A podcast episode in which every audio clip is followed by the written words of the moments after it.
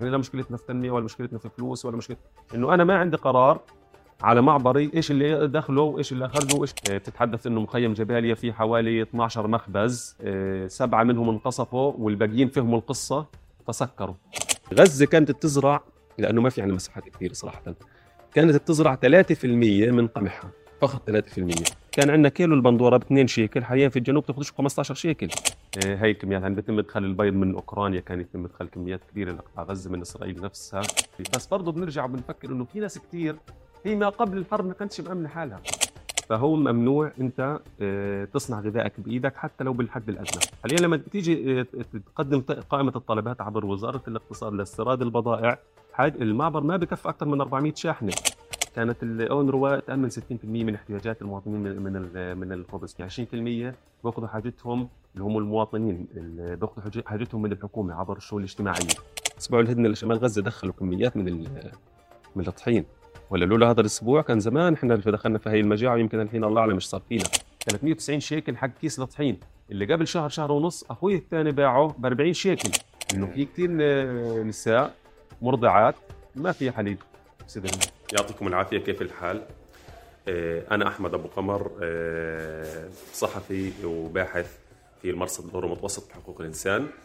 بتحدث معكم من شمال غزة من آه، مخيم جباليا يعني أنا حضرت ما خلص ماجستير في الاقتصاد وبكالوريوس الصحافه يمكن في هذه الحلقة موضوعنا مختلف بتحدث عن الأمن الغذائي والمجاعة اللي بنعيشها بشمال غزة واللي صراحة يعني بتدق آه، ناقوس الخطر بشكل كبير جدا خصوصا على صعيد أطفالنا. آه، بهذه الحلقة حنشوف قديش إحنا بنعيش مآسي بسبب الحرب المستمرة على قطاع غزة منذ أكثر من 140 يوم. صراحة أنا لحتى نسجل هذه الحلقة قطعت مسافة كبيرة جدا لحتى أقدر أن أصل لنقطة الإنترنت اللي أو المكان المتوفر فيه إنترنت. آه، أنا صراحة آه، توقف عملي منذ آه، ثلاث شهور تقريبا بسبب عدم توفر الإنترنت. وهذا الشيء أيضا كان متعب لنا بجانب أنه فقدت أختي وعائلتها زوجها وطفليها. وبجانب أنه العمارة السكنية المتواجد فيها شقتي تم تدميرها بالكامل. وبالتالي متاعب كثير صراحة خلقها إن خلقتها إن الحرب واللي حاليا بنعيش آه، قضية عدم آه، وجود طعام وطحين بشكل آه، كامل عدم وجوده. وهذا الشيء ينعكس حتى على طبيعة تحركاتنا والمشي وال, وال... وال... يوميا إحنا بنعيش حالة من المحاربة مع من أجل تأمين قوت اليوم وخصوصا للأطفال. يعني بهذه الحلقة إن شاء الله نتحدث فيها عن الأمن الغذائي وعن الجوع. آه، حنشوف قديش إنه في معاناة وإنه إن شاء الله بنأمل إنه ما تطول هاي المعاناة وتنتهي عن قريب إن شاء الله.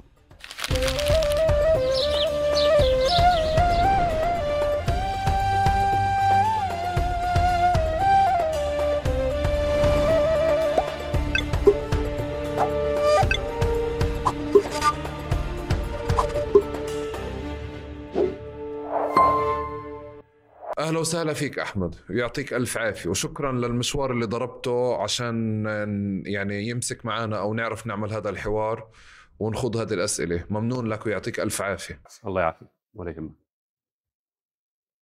آه، أحمد آه، أنا إحنا بالعادة في بودكاست تقارب نترك الضيف يعرف نفسه. يعني بالسطر الممل تبع التخصص اللي ممكن نلاقيه موجود على جوجل.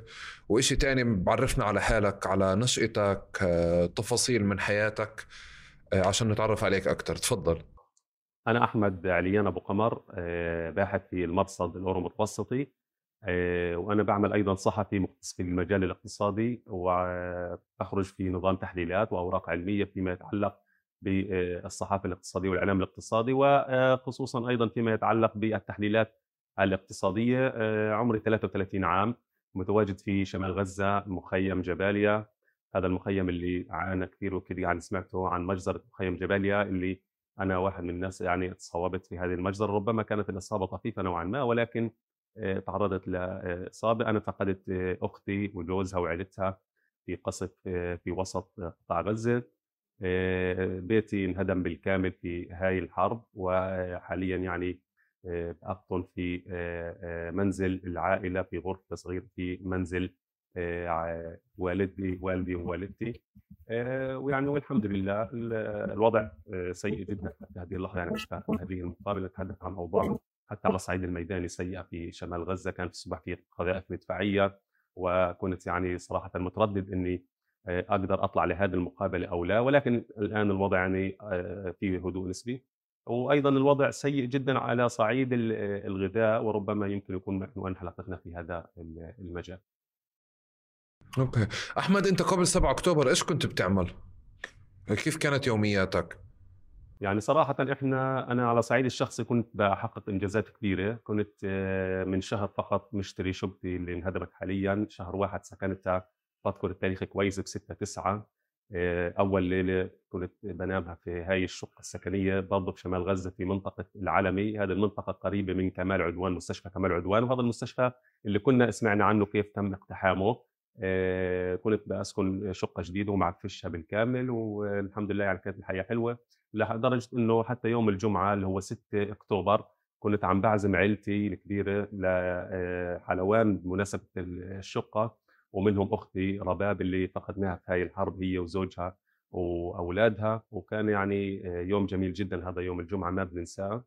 وصراحه إحنا يعني نمنا بيوم حلو ولحتى الآن مواصلين يعني. أنا واحد من الناس بقول إحنا نمنا ولحتى الآن الكابوس مستمر علينا ما اصحينا آه، فقدت أختي وعائلتها آه، تعرضت لإصابة فقدت شقتي. صحيح أنا باحث مختص في يعني فيما يتعلق بالبحث الميداني في المرصد الأوروبي المتوسطي. أنا صحفي مختص في المجال الاقتصادي ولدي عمل آخر أيضا بجانب المرصد الأوروبي المتوسطي. ولكن الكابوس اللي بنتعرض له آه، بشع جدا. إحنا ما بنعرف شو اللي صار وكيف صار.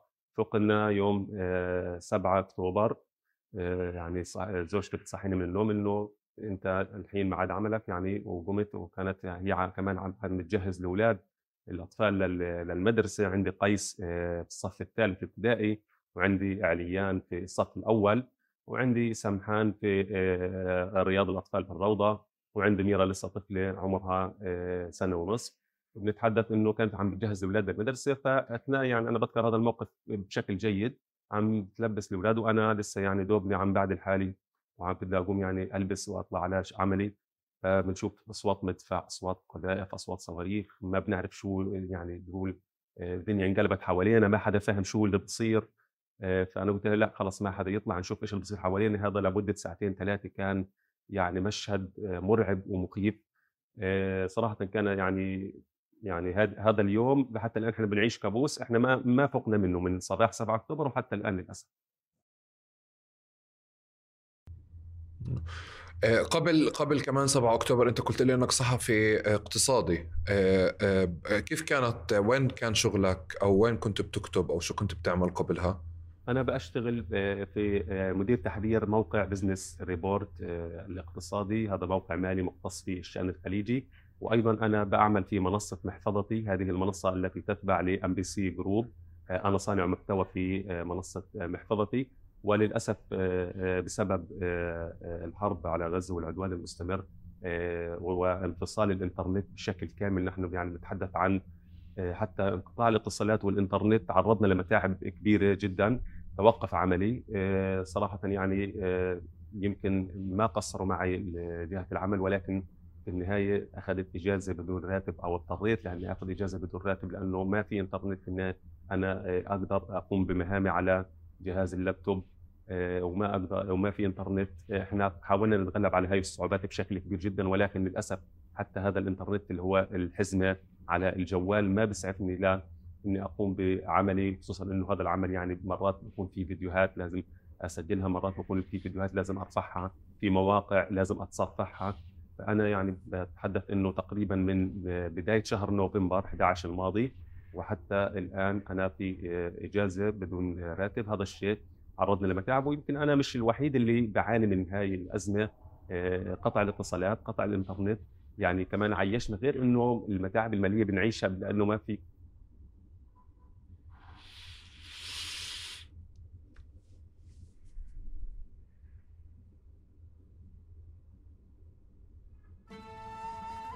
مرحبا. أيوه أحمد أنت هو قطع عند لما بدك تحكي عند قطع الاتصالات وقطع الإنترنت. تمام يعني آه، أكمل أنا عادي تفضل كمل. يعني نتحدث إنه قطع ال- الاتصالات آه، آه، وقطع. الإنترنت آه، عيشنا بمتاعب آه، مالية كبيرة والسبب إنه عملي توقف عن يعني ما في ما في إنترنت ما في عمل وبالتالي اضطريت إني آخذ إجازة بدون راتب يمكن يعني في البداية كان الحديث عن إنه أنت في وضع صعب وحرب وبإمكانك إنك تتلقى راتبك ولكن القضية صارت إحنا بنتحدث عن خمس شهور يعني مش أسبوع أو أسبوعين أو شهر وبالتالي آه، حاليا أنا يعني فقط أعمل كباحث للمرصد الأورو متوسطي وكباحث بحكم إني بعيش في هي البيئة. ولكن حتى كمان يعني في ظل عملي الباحث كباحث في المرصد أنا بعاني بشكل كبير من آه، لدرجة إنه شحن الموبايل والجوال.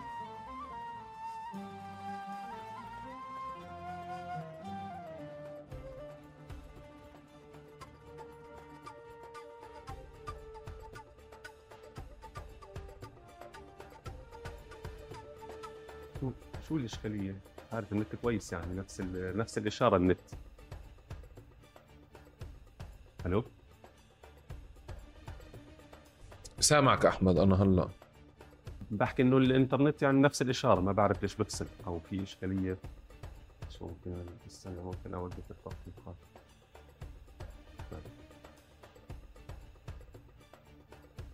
الحين زوم إيموجي. package تعمل تحديث. لو وقفتها ممكن آه، تضل هالمقابلة ماشية؟ آه, آه, آه المفروض آه. يعني اخليها تعمل تحديث؟ هو بيعمل تحديث هلأ عشان هيك يمكن. آه. خليه آه هو بكون هلأ package صغيره إذا أنت عملت التحديث. الأكبر. هو هو راح حاليا التحديث يمكن هو اللي يعني عامل إشكالية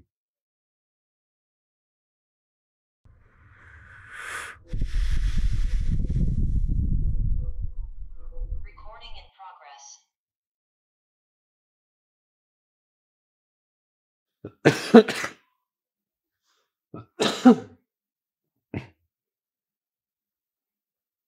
تمام الصوت؟ تمام آه. أنا مش ما عنديش علم يبدو لي كمان الصورة أفضل. مش عارف ليش بيعمل تسجيل خروج لحاله مش عارف. طيب إحنا نستغل ال- ال- الوقت يمكن حتى ما يفصل.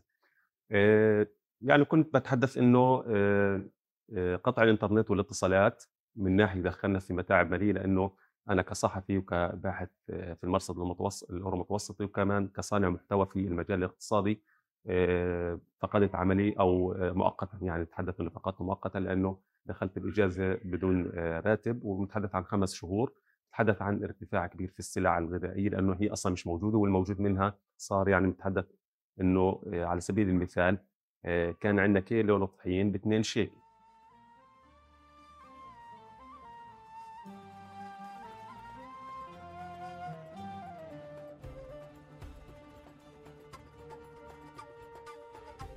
Recording in progress.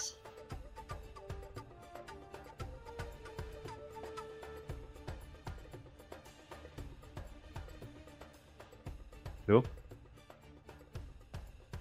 أحمد أيوه. أحمد بن... طب بدك نعمل التليفون ال... الاتصال على الواتساب؟ شو رأيك؟ ممكن يكون أفضل؟ أنا فيش عندي شك... فيش إشكالية اللي تشوفه أنت مناسب بس آه، هو كل ما يعمل تحديث أنا بحسه للزوم بفصل كل ما يعمل تحديث. يعني حاليا ما في تحديث. آه، زوم آه، اموجي يعني ما بعرفش بعمل تحديث فبفصل خلص نحاول.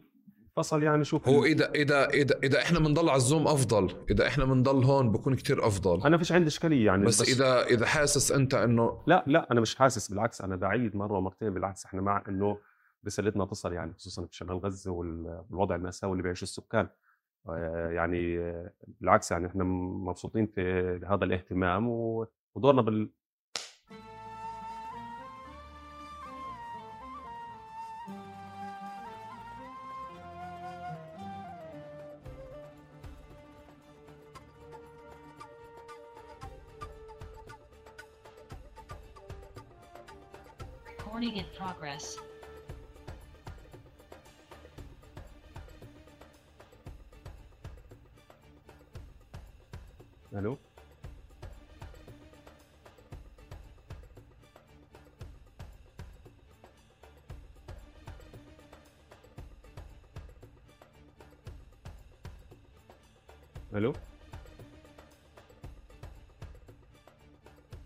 أيوه أحمد.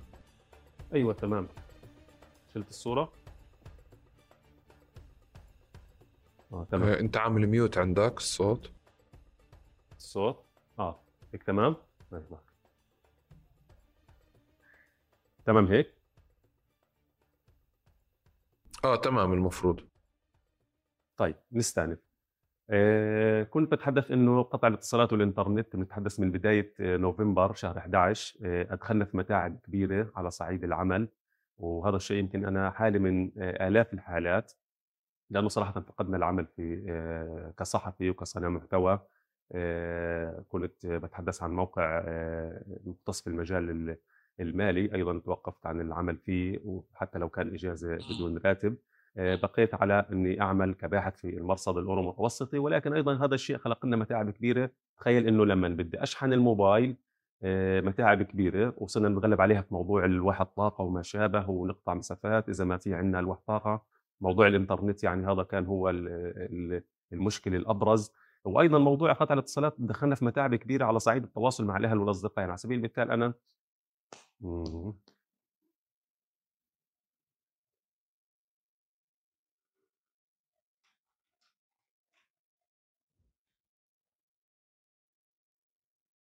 Recording in progress.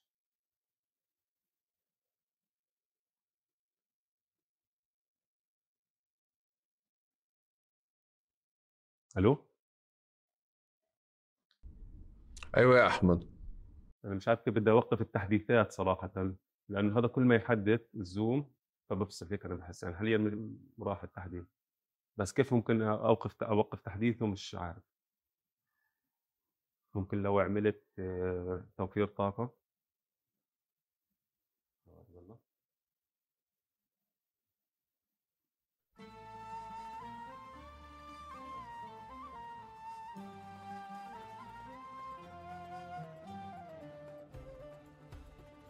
هي هاي المشكلة عندكم كمان هلأ بال- بالتليفونات أو الاتصالات اللي بجرب أعملها مع الأصدقاء بس يمسك الواحد فيكم إنترنت التطبيقات بتجبره يعمل تحديثات ويلك أنت بدك تمسك خط آه، أو بدك تمسك حزمة عشان آه، تعمل التليفون ووينك مجبور تحدث التطبيق عشان آه، يقبلوا يخلوك تعمل التليفون.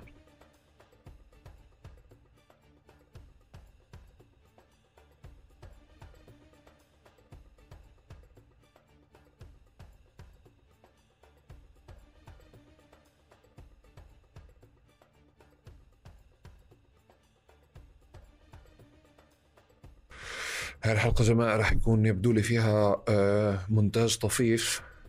آه، يعني عشان نركب الحلقة تركيب عشان نقدر آه، نوصل الأفكار المهمة. ويبدو لي هلأ إنه هسا في اللحظات هاي إنه رح ننتقل نتجاوز كل ال- الحوار العادي أو المقدمات تبع التقارب. ونحاول نستغل كل شحطة الاتصال اللي رح تتوفر لنا عشان نجرب ناخد نسأل الأسئلة اللي بتتعلق في موضوع الحلقة. الجوع والمجاعة في عموم غزة و... والجوع والمجاعة خاصة في آه، في الشمال شمال قطاع غزة.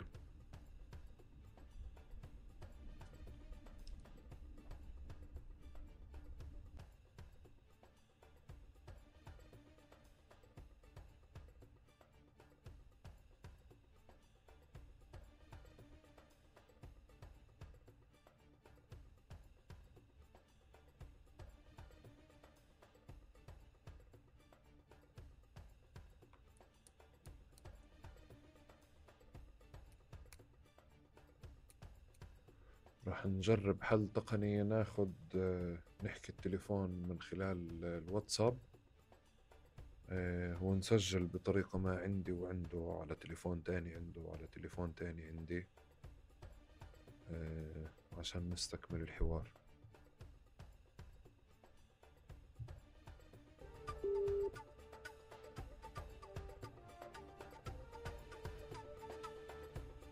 نجرب أول هيك. أحمد؟ أحمد. ألو؟ أيوه سامعك أنا. بنفع آه، بنفع نكمل المحادثة هيك بس أنت هلأ آه، بزبط تسجل آه، كمان صوتك على التليفون الثاني اللي عندك تستكمل تسجيل؟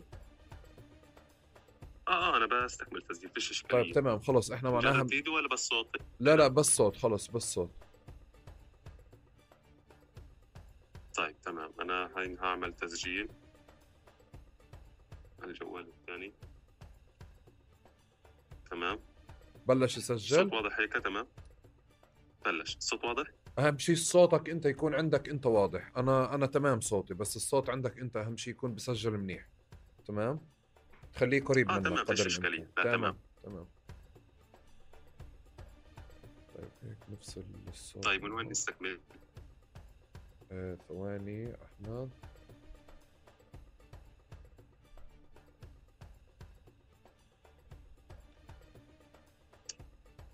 نستكمل من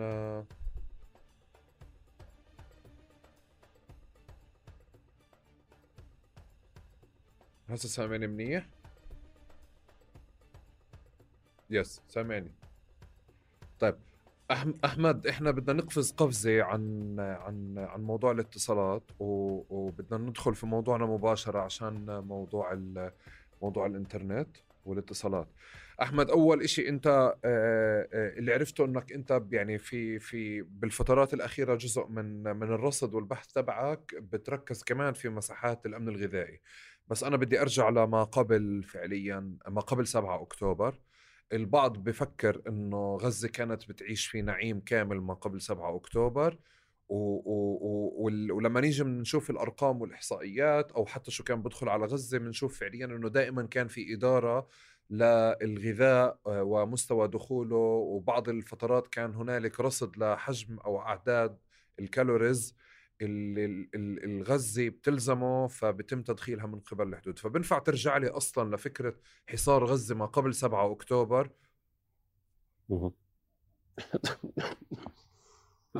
تمام. إيه، إذا بنتحدث عن هذا الموضوع تسلم. إذا بنتحدث عن هذا الموضوع يعني يمكن هذا الشيء بيتداخل فيما يتعلق بالأمن الغذائي وفيما يتعلق بعملي كمختص في الشأن الاقتصادي كصحفي. إحنا بنتحدث عن إيه، إسرائيل ومنذ سنوات الحصار الأولى يعني عمدت على إبقاء غزة ضمن سياسة الرأس فوق الماء. يعني أنا بغرقك بس ما بقتلك.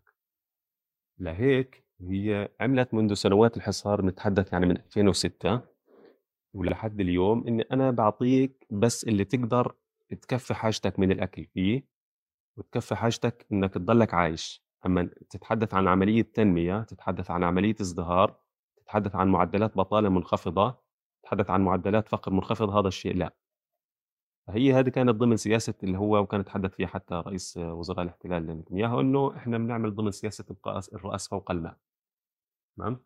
هذه هي السياسة اللي بيعتمدها اسرائيل حاليا هو بكون بقدر على سبيل المثال يعني ما بدنا نروح كثير في هذا المواضيع بعيد هو بكون نقول بقدر إنه لازم يكون يعني الاقتصاد بقول إنه سوق غزة عشان أساس إنه يصير بالشكل المطلوب بده نقول على سبيل المثال 2 تريليون دولار شهريا هو بعطيك نص تريليون يعني هو بديك مم. ربع حاجتك هذا مم. الشيء بخلق لك متاعب على صعيد ال- البطالة بخلق لك متاعب على صعيد الفقر بخلق لك متاعب على صعيد إنه دائما الحكومة بتواجه مشاكل القطاع الخاص وبالتالي هذا الشيء. بينعكس على الفرد كفرد من ناحية إنه يأمن احتياجاته اليومية من ناحية إنه يعيش الحياة الطبيعية ما بدنا نتحدث عن حياة يعني فوق العادة أو حياة رغيدة أو ما شابه لا نتحدث الحياة الطبيعيه وبالتالي أنت بتتحدث 2.3 مليون آه، إنسان. هذول 2.3 مليون مش كلهم عايشين حياة آه، طبيعية. ومش كلهم عايشين حياة فوق الطبيعيه ومش كلهم عايشين حياة أيضا متدنية لأ. في عندك يعني الشخصيه الناس متوسطين من ناحية الدخل إنه هذا موظف وعنده دخله وهذا دخله ممكن يكفيه ل 20 شهر أو ممكن يكفيه له شهر كامل وماشي تمام.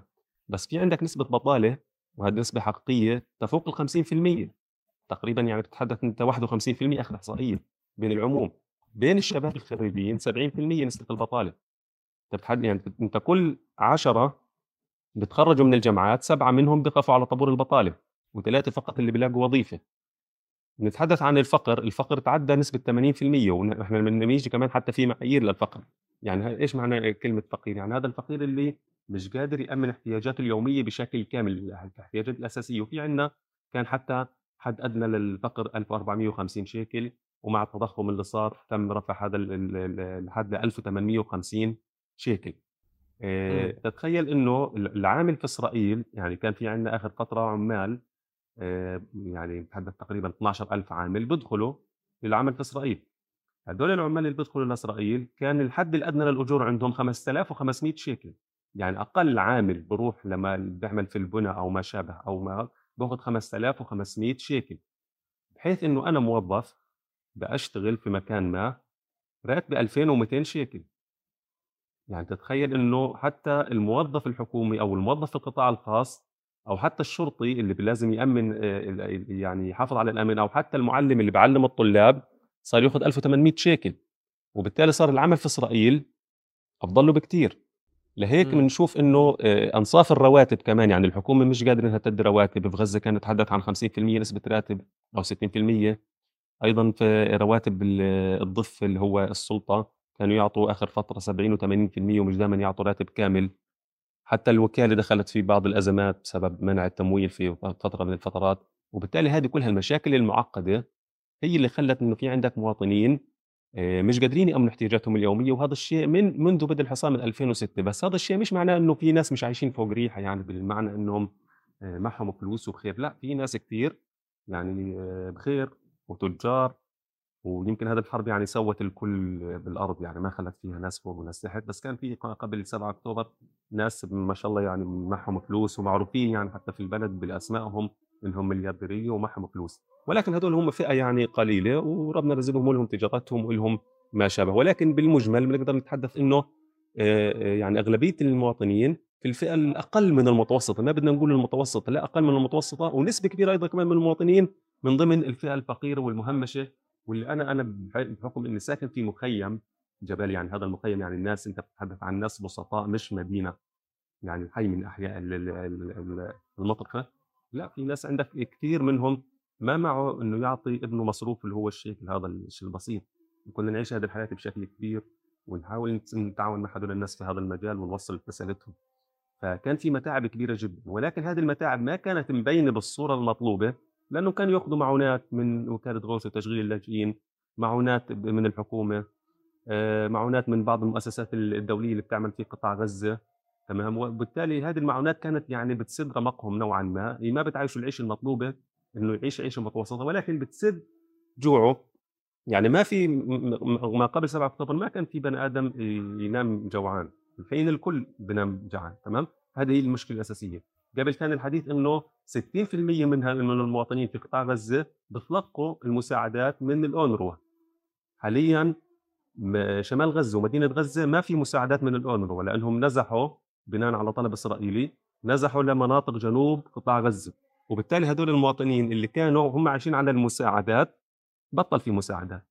وبالتالي دخلنا مشكلة الفقر. حتى لو حاليا دخلت آه، بضائع في السوق تباع للمواطنين أنا بأكد لك إنه أكثر من 60 70% من المواطنين في غزة والشمال ما معهم فلوس إنهم يشتروا هاي المساعدة هاي البضائع وبالتالي المطلوب حاليا هو عودة هاي المساعدات اللي كانت تدخل للناس لحتى يقدروا يعني يعيشوا بس الحد الأدنى يعني تحدث عن حد الكفاف إنه الحد الأدنى من إنهم يتلقوا الأكل والشرب والأمور هذه البسيطة. أحمد إيه- إيه- بعتقد كمان لأنه طول أمد طول فترة الحصار من 2006 2007 لحد 2023 بنحكي على أجيال فعليا آه، طلعت وما شافت وما عاشت إلا فعليا الحصار فبالنسبة لها جزء من آه، آه، تطبعت خليني أحكي مع فكرة نقص ال- ن- آه، مستوى الاقتصاد المتدني نقص الأموال نقص الاحتياجات وغيرها. على مستوى الغذاء إذا بدنا ناخذ أحد أشكال أو أحد جوانب الحصار إنه إسرائيل دائما تتحكم في شو بدخل وشو بدخلش. الآن كان واضح لنا إنه في قوائم من الأشياء الممنوعات وأشياء ال- المسموح. إذا بدي اخذ بس الجانب الغذاء واسمح لي أشاركك عشان نقفز قفزة بمحل إنه في الفترة الزمنية اللي كانت في بداية الحصار من 2006 2007 الحصار على كل غزة تمام؟ بعدين ال- صار الحصار ياخذ أكثر من شكل. مرة آه، التشديد على فئة محددة أو التشديد على بضاعة محددة أو آه، صار القصد صار يتغير شكل الحصار فأخذ أكثر من شكل. ولكن إذا بدنا نرجع بالسنين الأخيرة ما قبل 7 أكتوبر وتحديدا موضوع الغذاء. آه، آه، ويمكن في مشهد اللي كنا نسمع عنه إنه في يوم ينحكى إنه في كتير مثلا آه، صنف ما موجود بالسوق وسعره نزل أو سعره واطي. في الوقت اللي فيه نقص آه، آه، صنف تاني. فطوال الوقت حتى في الفترات اللي انت بتحكي عنها إنه كان في آه، آه، البعض اللي كان عايش ومرتاح وعنده الدخل العالي جدا بظن كمان مش كل إشي كان متوفر زي كأنه بلد طبيعي تاني بالكامل. الجانب الغذائي أحمد إسرائيل كيف كانت تتحكم فيه ما قبل 7 أكتوبر بآخر فترات؟ إذا بنتحدث عن الجانب الغذائي آه، صراحة إسرائيل كانت بتعمل ضمن سياسة إنه أنا بوفر لك آه، الحاجات الأساسية البسيطة من أكل ومشرب شو اللي بتطلبه؟ بس ما تفكر إنك تصنع هذا الإشي بغزة.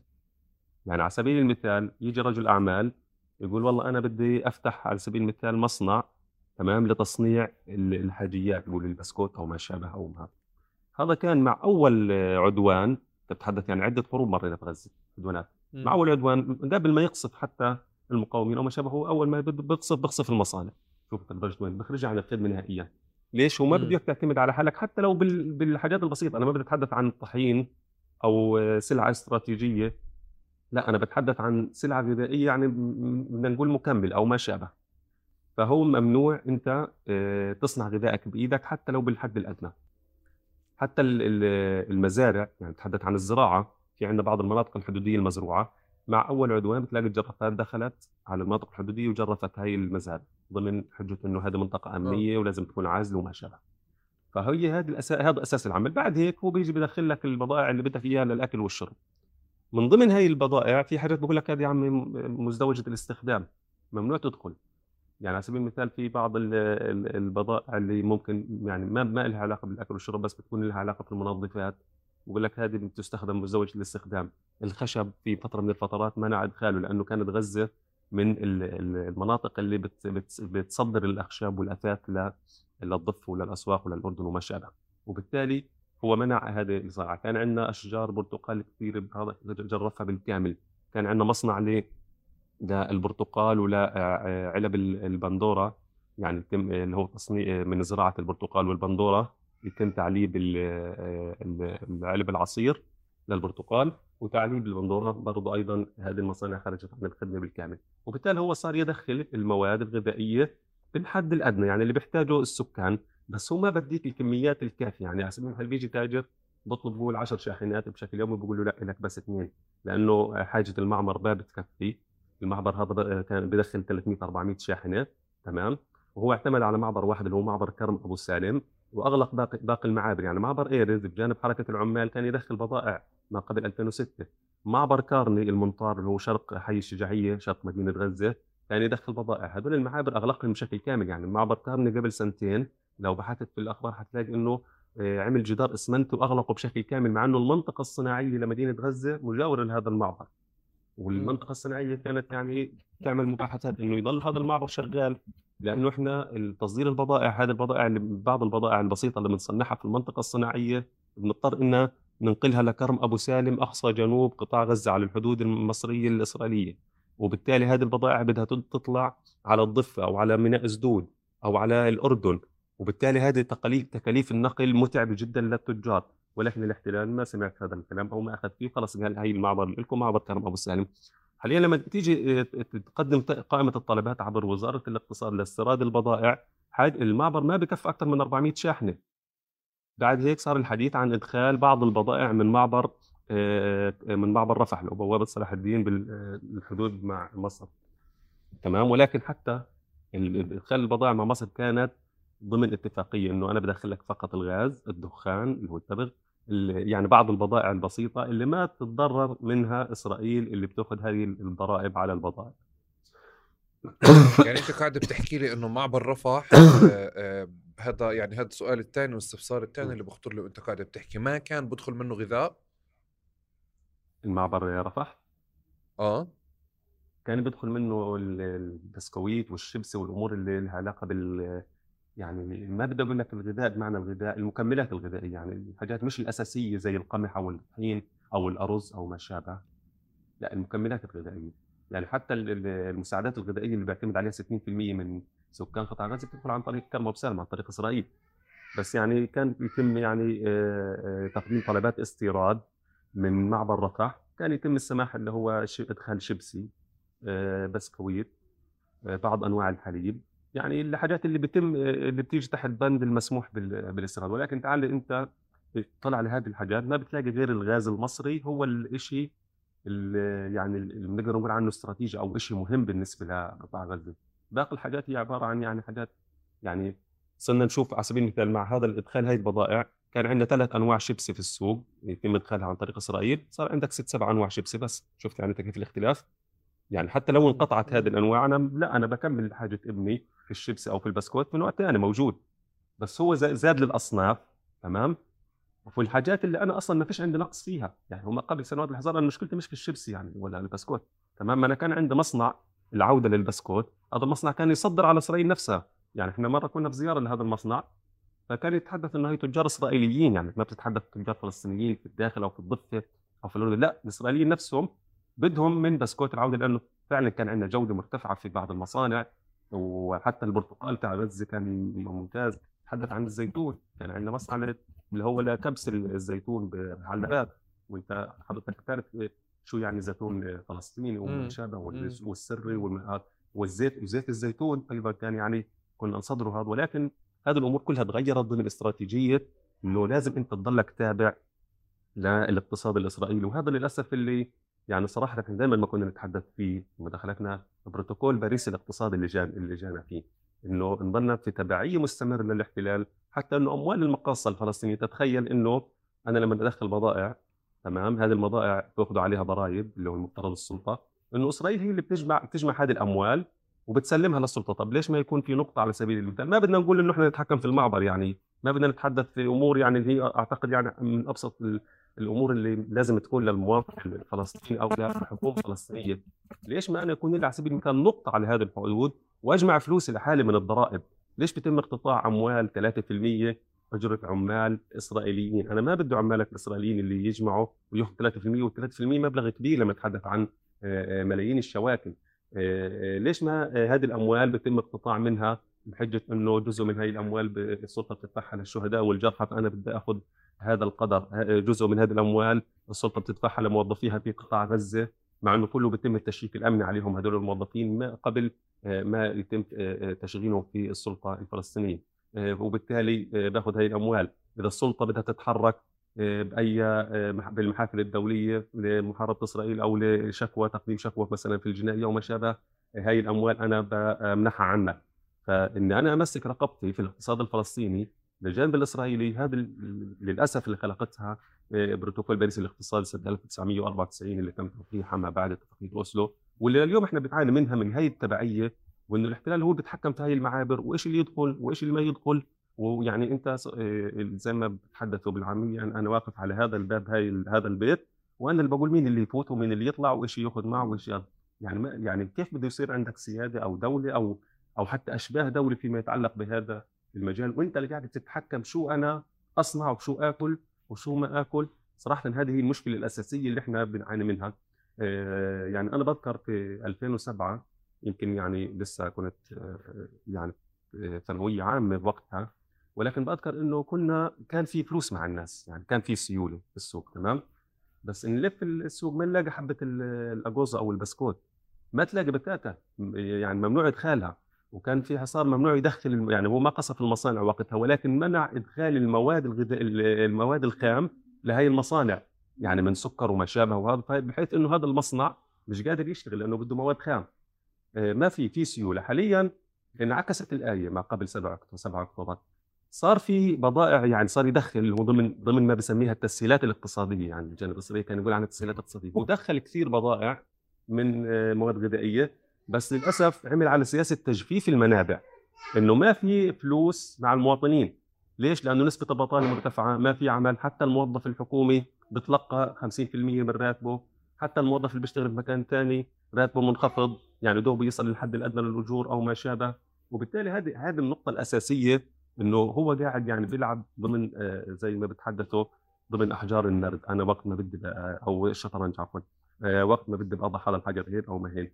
كنا في البداية بنتحدث عن سيوله مرتفعه مع المواطنين وما في بضائع. بعد هيك صار في تسهيلات اقتصادية فصار عندك بضائع كثيرة بس ما في سيوله وما في أموال مع المواطنين يشتغل هاي البضائع. أحمد أنا بتعرف بوافقك وهيك في إشي رجعتنا لإله من يعني من فوائد هذه النقاشات اللي قاعدة بتصير اليوم إنه بتخلينا نرجع نشوف مشاهد اعتدناها. يمكن قبل شوي كنا بنحكي على اعتياد مشهد الحصار أنت أضأت على اتفاقية باريس اللي هي حتى من كتر الحديث عن أوسلو وباريس تحول كليشيه عند كتير ناس. بس هو فعليا الإشي بوضوح إحنا آه، يعني عموم الضفة الغربية وغزة آه، آه، مؤهلة فعليا بأي لحظة للمشهد اللي بتعيشه اليوم غزة. لأنه أنت فعليا إحنا سلمنا رقبتنا بالكامل للاحتلال على مستوى الغذاء. فحتى على مستوى العجول على مستوى اللحوم على مستوى الغذاء على مستوى المصانع طوال الوقت في هذه النقاشات اللي إحنا بنتجاوزها باليوم يوم لإنه زي كأنه بدنا نعيش أو بدنا نبني اقتصاد قائم على على وجود الاحتلال بشكل أساسي. فبوصلنا بنوصل لمشهد مثل هيك. بس شوي الغريب لإلي إنه حتى بسنين الحصار اللي صارت بغزة مع مع كمان محاولات كسر الحصار باكثر من شكل أو حتى كمان الشكل الاقتصادي اللي صار في غزة هو شكل مغاير عن يعني عن الحالة في الضفة تماما. لأنه آه، صار في أساليب لكسر الحصار طوال الوقت. الغريب إنه يعني كمان عشان أفهم مشهد اليوم بحتاج بالكامل لأرجع باتفاقية باريس آه، بالكامل زي كأنه ما تغير المشهد أو ما اشتغلنا. بس عشان أفهم عليك أكثر خلينا نروح نعمل هيك زوم إن صغير شوي ونشوف. إذا بدنا نمسك ملف الطحين أو القمح كيف كان الاحتلال بتحمل بتحكم العفو بدخول القمح والطحين لغزة؟ طيب إذا بدنا نكون صريحين فيما يتعلق بالقمح والطحين بالذات وصراحة ما قبل سنوات الحصار ما كان في عندنا إشكالية في هذا الملف. يعني بالعكس بدكم خبز خذوا خبز وكلوا قد ما بدكم. كانت الاونروا تأمن 60% من احتياجات المواطنين من من ال- من الخبز خصوصا اللاجئين. كانت تتحدث عن تقريبا 20% غير ال 60% 20% بيأخذوا حاجتهم اللي هم المواطنين بيأخذوا حاج- حاجتهم من الحكومة عبر الشؤون الاجتماعية. تمام؟ و20% من المواطنين هذول اللي هم يعني حسب التصنيفات إنهم مش محتاجين لهي المساعدات وبيشتروها شرية منهم. والتجار اللي بدخلوا هاي البضائع اللي هو الوطنيين من الخارج وبتم بيعها في السوق المحلي بسعر طبيعي. وما شفنا يعني إنه في يوم من الأيام آه، انقطعنا بالكامل من الطحين أو إنه صار عندنا إشكالية زي اللي بنعيشها اليوم. وبالتالي لحتى. نكون واقعيين إحنا ما قبل 7 أكتوبر ما كانت يعني مشكلتنا فقط في موضوع اللي هو الطحين والخبز وكان عندنا إشكالية في هذا المجال لا بالعكس. كانت الأمور طبيعية وكيس يعني تخيل إنه كيس الطحين 25 كيلو حقه 30 و35 شيكل يعني أنت بتتحدث قاعد عن 10 دولار كيس 25 كيلو.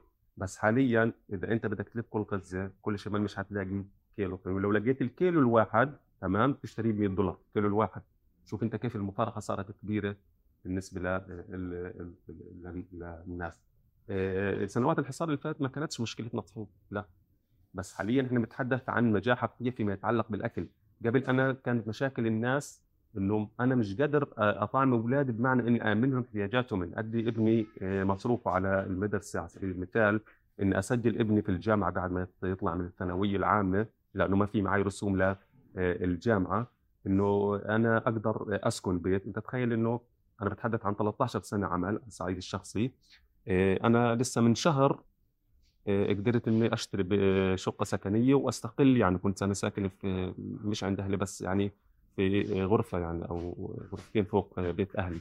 فتتخيل إنه أنا موظف وما قدرت أصل لهذه الاستقلاليه غير بعد 12 13 سنة.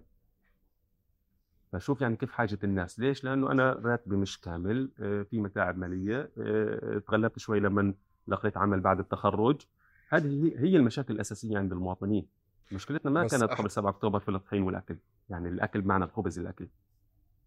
أحمد اسمح لي بس هون ال ال يعني مش عم بحكي على إنك أنت كنت فاقد الخبز قبل.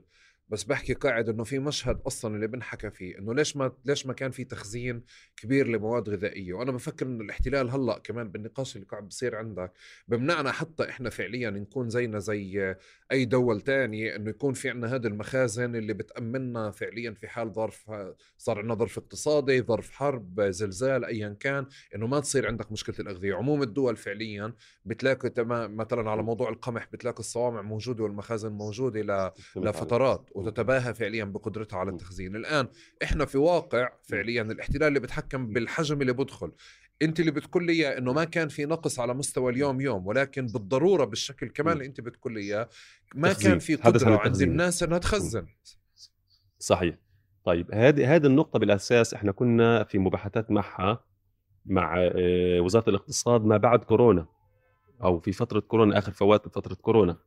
إنه ما أنت يعني بتعرف إنه فترة كورونا صار ارتفاع كبير على السلع الغذائية ويمكن إحنا في قطاع غزة ما تضررناش بشكل كبير لأنه كان في مساعدات بتدخل من ال- الأونروا وبعض المؤسسات فكان الحديث إنه ليش ما يتم عمل صوامع آه، أنا- آه، أنا ما بعرف إذا قبل هيك ما أعتقدش إنك فتت غزة صحيح؟ مبلا فتت جيت غزة؟ يعني نتشرف. طب إن شاء الله بنشوفك المرة الجاية. غزة مساحتها. يا إن شاء الله بإذن الله. غزة مساحتها آه، صغيرة جدا يعني بالنسبة ل يعني أنت بتتحدث يعني أنا أنا لي أخوة اثنين في تركيا وابوي وأمي راحوا تركيا فلما أبوي أجى بقول لي تخيل يابا إنه آه، إسطنبول أكبر من كل فلسطين تمام؟ فأنت بتحدث إنه إنه غزة يعني أنا على سبيل المثال بأجري أنا بجري ماراثون أنا يعني بلعب الرياضه وبجري ماراثون. تخيل إنه أنا قطعت من عند ايرز من شمال غزة وصلت لحد آه، مخيم النصيرات وسط قطاع غزة ماراثون. 16 17 مم. كيلو. تمام؟ فأنت بتتحدث عن مساحة ضيقة فيها 2.3 مليون مواطن. ما في عندك المناطق اللي تقدر تعمل فيها الصوامع وأيضا كان الحديث هذا حسب كلام وزارة الاقتصاد إنه هذه الصوامع بدها موافقة إسرائيلية لحتى ما يتم قصفها في أي حرب جاية. فضمن المباحثات إنه آه، بدنا نعمل صوامع ما في موافقة أمنية إسرائيلية. ما في موافقة إنه يعني ما في عندك مستثمرين. المستثمر اللي بده يحطها في زي ما بنع... إحنا بنتحدث في الاقتصاد إنه رأس المال جبان أنا كمستثمر اذا معي أموال وبعرف إنه هذه الأموال ما في عليها آه، تأمين وإنه حتنقصف في أي حرب جاية ما بتلزمنا حتى لو كان موضوع صوامع أو أمن غذائي. الحكومة نفسها ما بتقدر تعمل هذا الموضوع من تكلفة منها لا هذه بدها آه، آه، توعز لقطاع خاص إنه يعمل هاي الصوامع وبتكلفة وضمن استثمارات أيضا فيما يتعلق بالقمح آه، غزة كانت تزرع لأنه ما في عندنا مساحات كثير صراحة. كانت تزرع 3% من قمحها فقط 3% تخيل إنه حتى الاحتلال لحقنا على 3% وصار ال- كل القمح يجرفه لأنه على المناطق الحدودية بيتم زراعته خصوصا في جنوب غزة. يتم تجريفه. نحكي مناطق خزاعة إحنا صح؟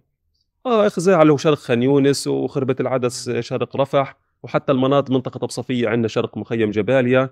آه هذه المناطق كلها كانت يعني فيها زرع زراعة قمح.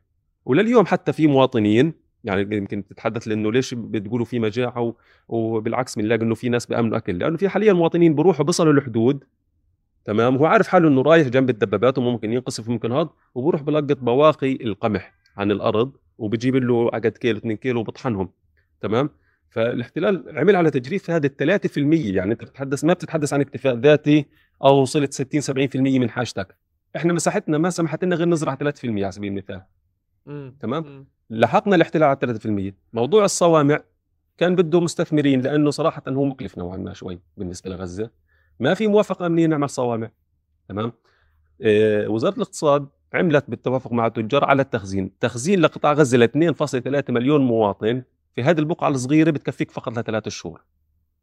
أنا بحكي لك هذا الكلام حسب ما هم تحدثوا لنا في أيام كورونا يعني تحدث قبل ثلاث سنين. فقط لثلاث شهور أنا بأم بديك يعني حاجتك. بعد ثلاث شهور أنا لازم أستورد من الخارج. نقطة ثانية الثلاث شهور هذول في الوقت الطبيعي مش في وقت حرب. يعني على سبيل المثال أنا في أيام الحرب أنت في أيام الحرب ما في عندك لا شاورما ولا دجاج ولا لحوم ولا ما شابه أنت مم. بدك تأكل خبز صباحا وظهرا ومساء وهذا الشيء اللي إحنا صار معنا. يعني أنا كانت حاجتي من كل شهر بدي كيس طحين 25 كيلو على صعيد اسرتي الصغيرة. أنا واولاد ومرتي بتتحدث إنه كيس الطحين كان عندي أخوي اجى لما قبل بداية هذا كيس طحين بطل يكفي أسبوع. ليش؟ لأنه كل أكلنا خبز. فإحنا بنتحدث ثلاث شهور في الوقت الطبيعي. يعني في الوقت الثاني بتتحدث عن شهر ونص في أحسن الأحوال شهرين في إدخال. وللعلم إحنا اللي فادنا في الموضوع اللي هو أسبوع الهدنة. أسبوع الهدنة لشمال غزة دخلوا كميات من من الطحين. ولا لولا هذا الأسبوع كان زمان إحنا اللي دخلنا في هي المجاعة ويمكن الحين الله أعلم إيش صار فينا. يعني أنا صراحة لا أخفي عليك أنا بتحدث معك أنا من ثلاث أيام ما ذقت الأكل يعني هي يمكن قاعد أنا بيت أخوي فمرت أخوي جايبه لي صحن كستر تعرف الكستر اللي بنعمل من النشا. آه الحين هذا الناس خلاص يعني معتمدين عليه وحتى هذا موضوع النشا صار يعني يعني بتتحدث كنا نجيب الرطل ب 2 3 شيكل الكيلو عفوا ب 2 3 شيكل حاليا بتتحدث الكيلو صار 12 13 شيكل. فشوف يعني قديش ارتفاع فهنا أنا من ثلاث أيام يعني يعني بدي اكل حاليا صحن كاستر شوف أنت لدرجة وين إحنا وصل فينا الحال. حتقول لي ما معك فلوس أنا معي فلوس وقادر أجيب بس وين؟ ما في. يعني حتى الفلوس صرنا يعني صارت زي الزينة ما لها لزوم صراحة. يعني معلش عشان أنا أفهم عليك. وأنا كنت بسأل السؤال الصوامع وما بتخيل أصلا إنه الاحتلال كان رح يسمح ل في غزة إنه تكون في صوامع وتسمح لغزة إنه يعني يعني بدها تصير دولة ساعتها غزة إذا بدها تأمن حالها. غذائيا زيها زي بقية الدول الثانية هي فكرة مستحيلة إنه تصير. ولكن كنت بحاول أسأل وأستفسر عشان أعرف إنه حتى بشكل موضوعي قديش ال... قديش مستوى التخزين اللي كان ما قبل 7 أكتوبر بشكل طبيعي فأنت عم تحكي لي. بأحسن الأحوال إحنا بنحكي إنه في طحين بكفي القطاع لثلاث شهور قمح بكفي. القطاع لثلاث شهور الآن صحيح. مع آه، آه، مع اللي صار فعليا مع تركيز الناس أو انقطاع آه، أصناف غذائية ثانية رئيسية. ثانية. الناس مم. فعليا صارت تسحب أكثر في موضوع القمح والطحين غير إنه بعتقد كمان مع القصف تدمرت مخازن وتدمرت أشياء صحيح فإحنا فبتعمل فعليا بنحكي على شهر. ونص صحيح نحكي على شهر ونص. أحمد صح؟ آه آه في أحسن الأحوال هذا في وقت الحرب شهر ونص في أحسن الأحوال إنه يتكفي حاجة الناس. وكمان في نقطة أساسية إنه آه، آه، شمال غزة مشهور في ال- في الزراعة. يعني مناطق بيت حنون ومناطق بيت لاهية فيها مناطق زراعية. آه، في عندنا مطحنتين تمام بس هذا موجوده في جنوب القطاع. يعني حتى لو في قمح نقول نقول إنه في قمح في عندنا مطحنة السلام والمطحنة الثانية ما بذكر شو اسمها. يعني هذا مطاحن يعني كبيرة في في البلد. ممكن بيجيبوا القمح من الخارج وبطحنوه أو حتى من ال 3% الم- اللي بيتم زراعته. هذا موجود في جنوب القطاع ولكن إحنا بنتحدث إنه حاليا المشكلة في شمال قطاع غزة. هتقول لي طب في عندكم زراعة؟ هذه الزراعة ما قبل الحرب مع بداية الحرب كله نزح من هذه المناطق الحدودية تاعت الزراعة وبالتالي حتى موسم الفراولة اللي كان كانت بتلاهي تشتهر فيه بشكل كبير جدا وبيتم تصديره للخارج آه، للأسف ضرب. موسم الزيت والزيتون برضه انتكس بشكل كبير وبالتالي آه، حتى الزراعة يعني تضررت بشكل كبير جدا فيما بعد هذا الحرب. وهون فعليا الميزة ما بين اللي بسمعه من الأصدقاء على فكرة إنه الجنوب آه، لسه في خضار. آه، صحيح. لأنه لسه. في لسه في وصول لأراضي زراعية ولسه فعليا يعني الموسم ما خلصش. الحلو في الجنوب آه، عفوا الحلو في الجنوب إنه منطقة المحررات بتقع في نص ال- البلد. يعني أنت بتعرف إنه كان في انسحاب إسرائيلي من 2005 آه. من قطاع غزة المستوطنات هذه المستوطنات كانوا كانوا منقين يعني أكثر مناطق خصوبه وأحسن مناطق في قطاع غزة وقريبة من البحر. تمام؟ يعني مش مناطق حدودية. فبتم الزراعة فيها في منطقة بعيدة عن الجيش. فبيقدروا الناس يصلوا لها وممكن ب- في عز الحرب يعني يقدر إنه يقدر يزرع ويحصد. بس لا شمال غزة في اكتظاظ سكاني كبير وبالتالي الزراعة هذه بتتم فقط في المناطق الحدودية. يا شرق مخيم جباليا يا إما في بيت حنون وهي من آه، بلدة حدودية يا بيت لهي وأيضا هي بلدة حدودية ونتحدث عن منطقة بيت لهي يعني قريب من زكين يعني ما ما حدا بيقدر يصلها في هي الأيام أو في أيام آه، آه، الحرب والعدوان. وبالتالي هذه النقطة أيضا كانت مشكلة أساسية إن في شمال غزة إنه ما ما بنقدر نصل لهي المناطق. بتعرف أحمد هلأ بتذكر وحتى وإحنا قاعدين بنحكي على الزراعة إنه الاحتلال أصلا كيف على سبيل المثال في مناطق في أريحة في الأغوار كيف اشتغل فعليا على إنه السله الغذائية تبعت فلسطين إذا بنفع نسميها هيك يعني مثل ما بسموها نعم. الباحثين إنه صحيح. تصير الزراعة فيها أقل مقابل النخيل وفعليا صاروا المزارعين عم بيشتغلوا آه، كصنايعية عند تجار فعليا التمور ال- اللي بالآخر يعني في دوائر ما بتوصل لعند الاحتلال في تهريب بعموم. بعموم الضفة وغزة. كان. آه في في إشي بعموم الضفة وغزة كمان إنه إحنا كنا بف- بفترات نزرع وما زلنا حتى نزرع لشو المناطق الاحتلال بتستهلك. يعني شو الاحتلال بيستورد من عنا. فلقينا مثلا في نقاش دائما بيكون على إنه ليش بمناطق جنين ممكن تزرع أنت الخيار الصغير مش الخيار الثاني هلأ وأنت قاعد بتحكي على موضوع الفراولة تحديدا بتذكر النقاش اللي كان بيقول إنه غزة ليش بتنشغل بزراعة الفراولة على سبيل المثال؟ بتعرف بس في في في النقاش اللي كمان بالنسبة لي حتى وانت قاعد تحكي على مناطق زراعية بالشمال أو بالجنوب هي كمان ما كانت عاملة حسابها ليوم مثل هيك. لفكرة إنه انت بتزرع ل ل لتاكل يعني أو تأمن حالك بالكامل. الآن أحمد آه، آه، المناطق الشمال نزحت باتجاه الجنوب فحتى كميات الخضار اللي موجودة في الأراضي الزراعية في مناطق الجنوب عليها ضغط كثير فحسبتها كبير جدا بعتقد آه. صحيح آه فبعتقد إنه حسبتها كمان مثل حسبة القمح والطحين اللي حكيت لي اياها بنفع تعطيني تقديرات؟ يعني أقرب للموضوعية بعرف إنه شوي صعب بس بنفع كمان تعطيني تقديرات إنه قديش ليه ليه لليوم؟ هيك خليني أقول ليه لليوم في في الجنوب خضار آه، آه، أو أو أو ما زال حاضر برغم إنه إحنا بنحكي ما بعد اليوم ال 140 هو هو ما زال حاضر لأنه بتم الزراعة وبتم طرحه في الأسواق. وأيضا كمان في بعض الكميات بتم استيرادها من مصر. يعني بتحدث عن البصل البصل المصري بدخل يعني الليمون المصري لما ما يكون في ليمون بدخل ليمون من مصر. تمام؟ هذا يعني ما قبل ال- ال- الحرب. بس حاليا ما بعرف إذا في استيراد أو لا. بس على كل حال حتى لو ما في استيراد وقول إنه هاي الكميات ما بتكفي المواطنين اللي نزحوا تمام؟ هذا الشيء اللي بفسره إنه كان عندنا كيلو البندورة ب 2 شيكل حاليا في الجنوب تاخذش 15 شيكل. يعني معنى الكلام في طلب كبير عليه والكميه يعني اقتصاديا الطلب كبير والكميات المعروضة قليلة. تمام؟ لهيك صار الارتفاع ارتفاع كبير في الأسعار. يعني بتحدث إنه أنا بكلم أنا أخواتي اثنين نزحوا على الجنوب مع أسرهم. لما بكلمه بقول لك كيلو البطاطا ب 20 شيكل كيلو البندورة ب 15 شيكل. الخيار مش موجود أو بكميات قليلة جدا. الفليفل هذا الفلفل الحلو مش موجود. تمام؟ يعني في عنده في لا في فقد هناك لكثير من الخضروات. وفي بعض الخضروات مرتفعة الثمن لأنه عليها طلب كبير وكمياتها قليله أنت تخيل إنه إحنا في شمال غزة أنا على صعيدي الشخصي بتتحدث يعني من 25 10 تقريبا من نهاية شهر 10 أنا لا دقت البندورة ولا دقت الخيار لليوم. ما في ما في ما فيش يعني بتاتا أنت متخيل؟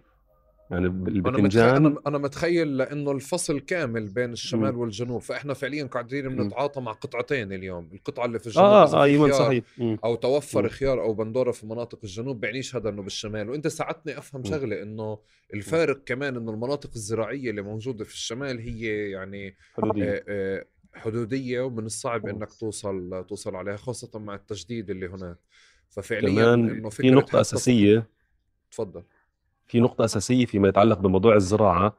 آه، بيت لاهية آه، يعني كنت بحكي مرة مع مزارع فراولة بقول لي بيت لاهية بس فراولة.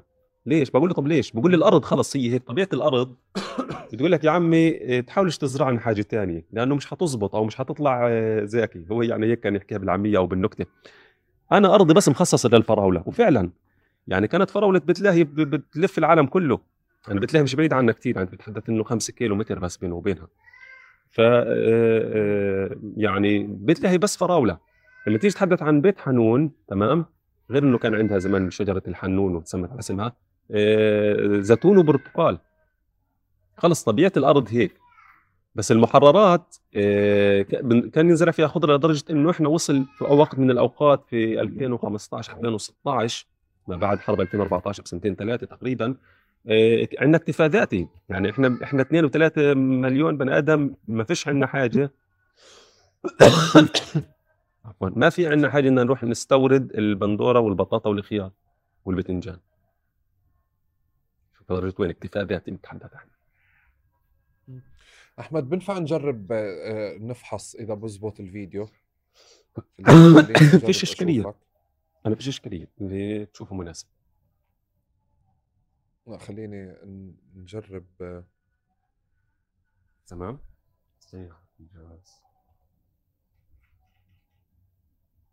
وعلى الأغلب يعني بزبط فيديو الواتس آه، ما ببلد كثير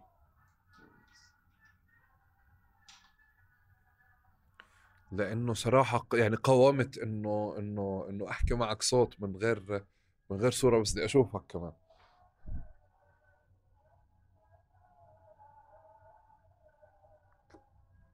حضرتك آه، من الضفة؟ ممتاز. هيك أنا آه من طول كرم احمد الكرم أنا من لهجتك قلت آه، آه، من آه، مخيمات الضفة أو من مناطق الضفة يعني طول كرم. آه أنا أنا أنا من آه، من آه، مناطق آه، من من منطقة طول كرم ب- بشكل أساسي. طول كرم المدينة؟ آه آه، الأصل من من قرية باسمها كفين والأصل قبلها من باقة الغربية بس أنا من طول كرم الغربية طول باقة كرم الغربية بنسمع. فيها كثير يعني. كثير كثير بنسمع بباقة الغربية. بنسمع بباقة مم. الغربية كثير ونور الشمس والأمور هذه يعني لأنه في في أحداث بتصير في الضفه فبنسمع فيها. آه هي من ما بعد 7 أكتوبر طول كرم من من بالخارطة يعني. مناطق ساخنة آه، إحنا إحنا إحنا اللي بنقوله أحمد إنه هلأ مركزين آه، كل التركيز في غزة بس إن شاء الله بس تروك الدنيا أو يصير وقف إطلاق نار إن شاء الله عن قريب. رح نشوف آه، شكل آخر ل... للضفة. ما بنعرفه ما قبل 7 أكتوبر. بس صوت الإبادة وصوت الحرب فعليا يعني أعلى من أي شيء آه، بس آه في في في ممارسات وسلوكيات يعني بس هيك إن شاء الله نطمن على على الأهل في غزة. نطمن عليكم و... وبعدين بعدين بنرجع مرة تانية. بدي أستغل الاتصال أحمد ونرجع مرة تانية. آه، آه، نستكمل الحوار. آه،. بمكان تاني كمان كل فكرة العجول وال... وال... وال... واللحوم الدجاج هذا كمان كلياته آه، مثله مثل الضفة يعني حتى فعليا. مسيطر عليه بالكامل. الغريب كان لإلي إنه في غزة أشد. أنا سمعت قصتين إنه خلال الفترات هذه آه، بدخل فعليا دجاج على مناطق الجنوب ولكن بعض بعض الشاحنات بتدخل فاسدة على سبيل المثال. آه، من مكان تاني كمان فكرة العجول اللي موجودة آه، نفقت أو ماتت آه، أو ماتت حتى وهي بتستنى. فأنت فعليا يعني إذا بدنا ننطلق من محل إنه مثلها مثل القمح كل فكرة اللحوم في غزة إنه أنت حتى لو بدك تربي وتعتمد على حالك من الصعب من المستحيل بهذا السياق.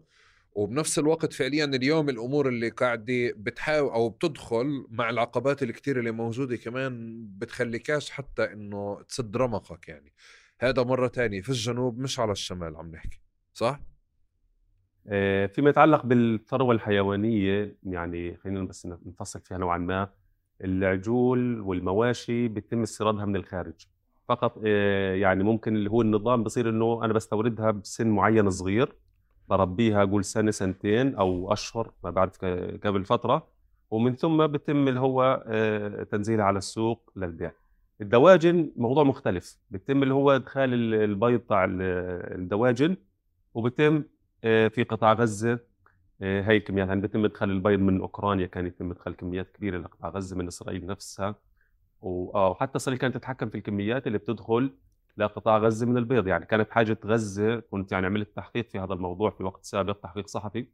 كانت حاجة حاجة غزة من آه، من البيض متحدث عن 3 مليون بيضة. لحتى هذا البيض يصير آه، آه، متحدث شهريا إحنا. 3 مليون بيضة لحتى هذا البيض يصير آه، دواجن. وال3 مليون مش كلهم حيزبطوا طبعا. زي ما أنت عارف إنه في نافق حيكون في نفوق لبعض ال- الدواجن وما شابه وغيره. يعني لحتى ينزل للسوق 2 مليون في رمضان الحاجة بتزيد أكثر. آه، الاحتلال كان مش دائما يسمح في هذه الكمية. شوف درجه وين حتى في الأيام العادية ما يدخل لك اللي بدك إياه. وأوقات كان يعمل على سياسة الإغراق في السوق. كنا نعاني منها بشكل كبير. نيجي يعني يجي تاجر دواجن تلاقيه بصوت ومالك آه، سعر كيلو الدواجن صار 5 5 شيكل. وفي فعليا بالمتوسط نقول 13 14 شيكل.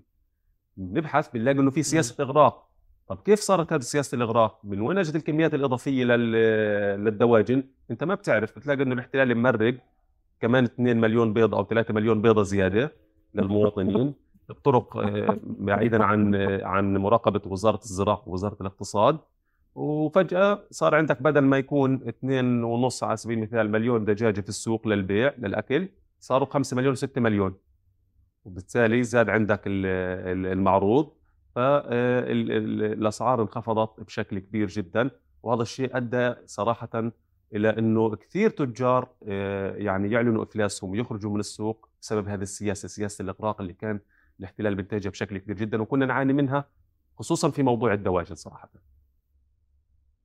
يعني أنت بتعرف شو قاعد وأنت قاعد بتحكي إنه كل حتى فرص ال- فرص التفكير بموضوع كل الثروة الغذائية أو كل فكرة الأمن الغذائي في غزة يعني الأكل الشرب الطحين ال- اللحوم آه، مثلها مثل المي.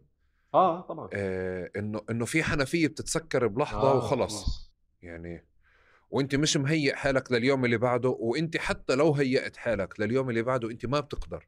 بتعرف جزء جزء من المشهد الناس بتنسى أو إحنا بننسى كلنا حتى عشان هيك بحاول أنعش ذاكرتي معك. إنه إحنا كيف كنا عايشين ما قبل ما قبل 7 أكتوبر؟ إنه حتى هلأ في في, مناطق طول كرم إنه أهلي فعليا بيحكوا لي إنه طلعوا على الجبل مقابلنا ضربوا خط المي. ضربوا خط المي انقطعت المي. إذا فعليا صار في اجتياح قطعوا خط المي. أنت بتقعد يومين وثلاثه من غير مي إلا إذا إحنا عندنا في الدار أبوي يعني فلاح قديم فعامل بير. فأنت بتصير تطلع إنه إنه ال- ال- المنطق تبع تبع حياتنا كلياتها تحت الاحتلال أحمد مثله قائم على حنفية أكل شرب حياة بالكامل في حنفية بإيد الاحتلال يعني حنفية وقت ما بده بيفتحها ووقت ما بده كمان بيفتحها بزيادة لحتى يغرقك وقت ما بده بيسكرها بشكل كامل كامل يعني لأنه آه، يعني هو اللي بيملك القرار على المعابر وهذه النقطة الأساسية يعني كنا كنا يعني حتى في مقابلات الاقتصادية يتحدث إنه شو شو آه، يعني لو يعني يحكي لي مثلا الصحفي في المقابلة إنه لو بدنا نلخص أساس المشكلة بشو؟ أساس المشكلة إنك أنت ما عندك قرار على معبرك فقط. يعني هذه هي هي هي أساس المشكلة. إحنا لا مشكلتنا في تنميه ولا مشكلتنا في فلوس ولا مشكلة إنه أنا ما عندي قرار على معبري إيش اللي دخله وايش اللي خرجه وايش الكميات اللي أنا أقدر أدخلها لسكان القطاع. حتى فيما يتعلق بعيدا عن المواد الغذائية يعني في مجمل ال- البضائع إنه آه، عدم التحكم في المعابر هي هي النقطة يعني ال- الأساسية للمشكلة. أحمد بدي بدي أستغل الوقت اللي, اللي باكو معنا بقصتك الشخصية ب ب بالأكل والشرب آه، من من 7 أكتوبر وجر ومعلش السؤال بجوز يكون ثقيل بس بدي بدي أتدرج فيه. وزي ما كنا نحكي أنا وياك إنه أحيانا الإعلام بيعمل دور سلبي بنقولش الإشي بالكامل حتى لإلي أنا فعليا. يعني أنا بعتبر حالي متابع.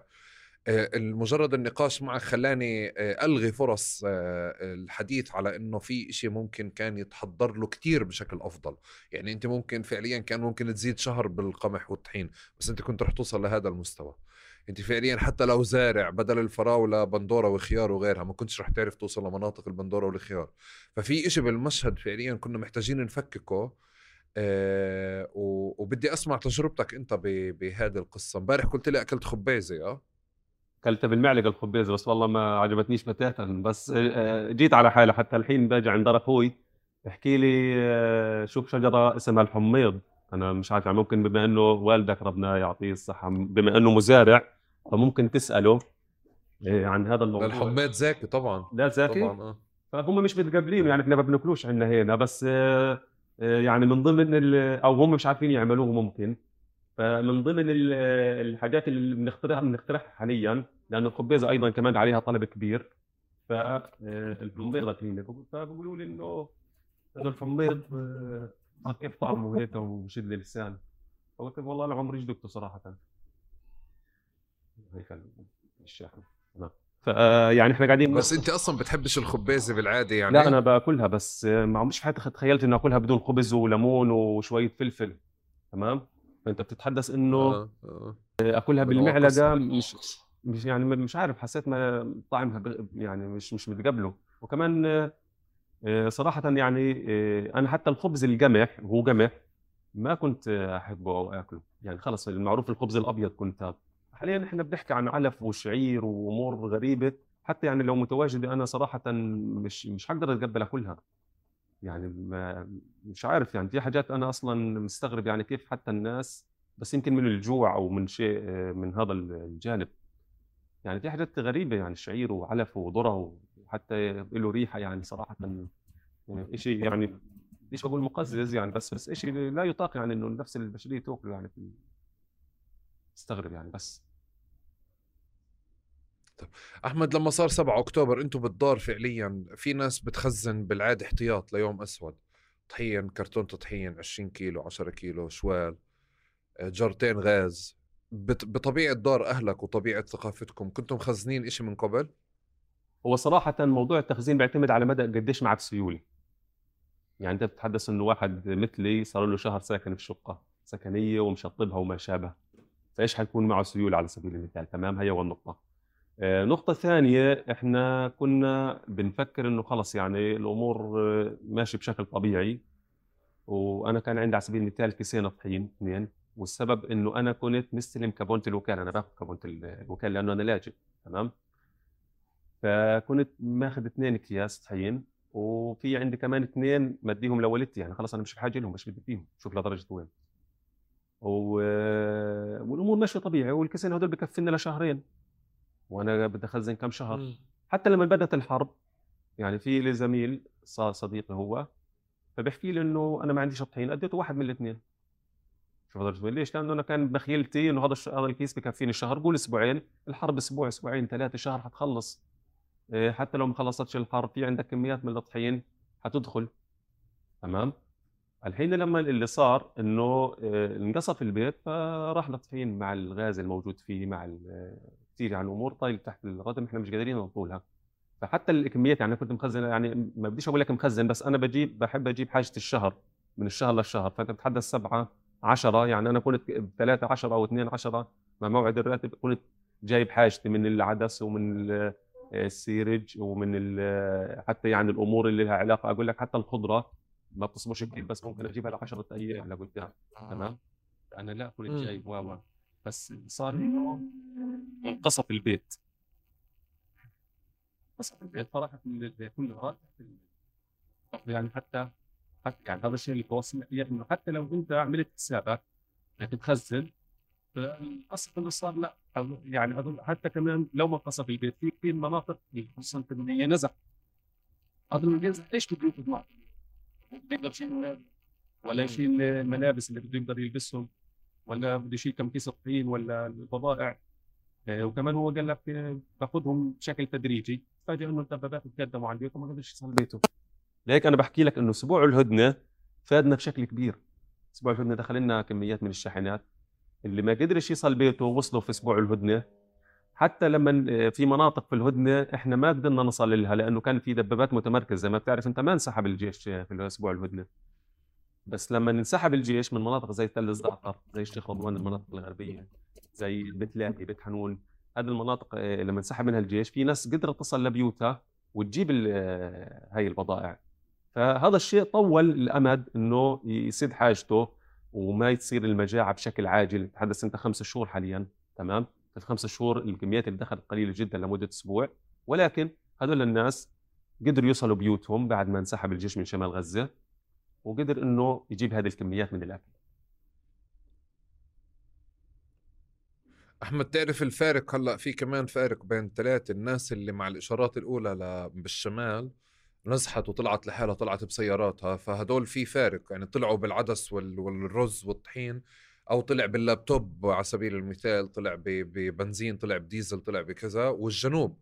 اللي فعليا بلش الضرب عنده بمرحلة متأخرة فاللي خزن في الجنوب كمان هذا جزء من حسن حظ يمكن ال- الجنوب من مكان تاني إنه كمان الناس اللي خزنت يعني طولت أمد صمودها آه، آه، قدامها. طب أنت أنت يعني مرة تانية إذا بدي أرجع هيك اتركك تحكي لنا من الذاكرة تتسلسل ب ب ب بموضوع الأكل والشرب تحديدا. ومن من 7 أكتوبر وجر وبتوقع في إشي رح تحكي لنا إياه له علاقة كمان بالنزوح.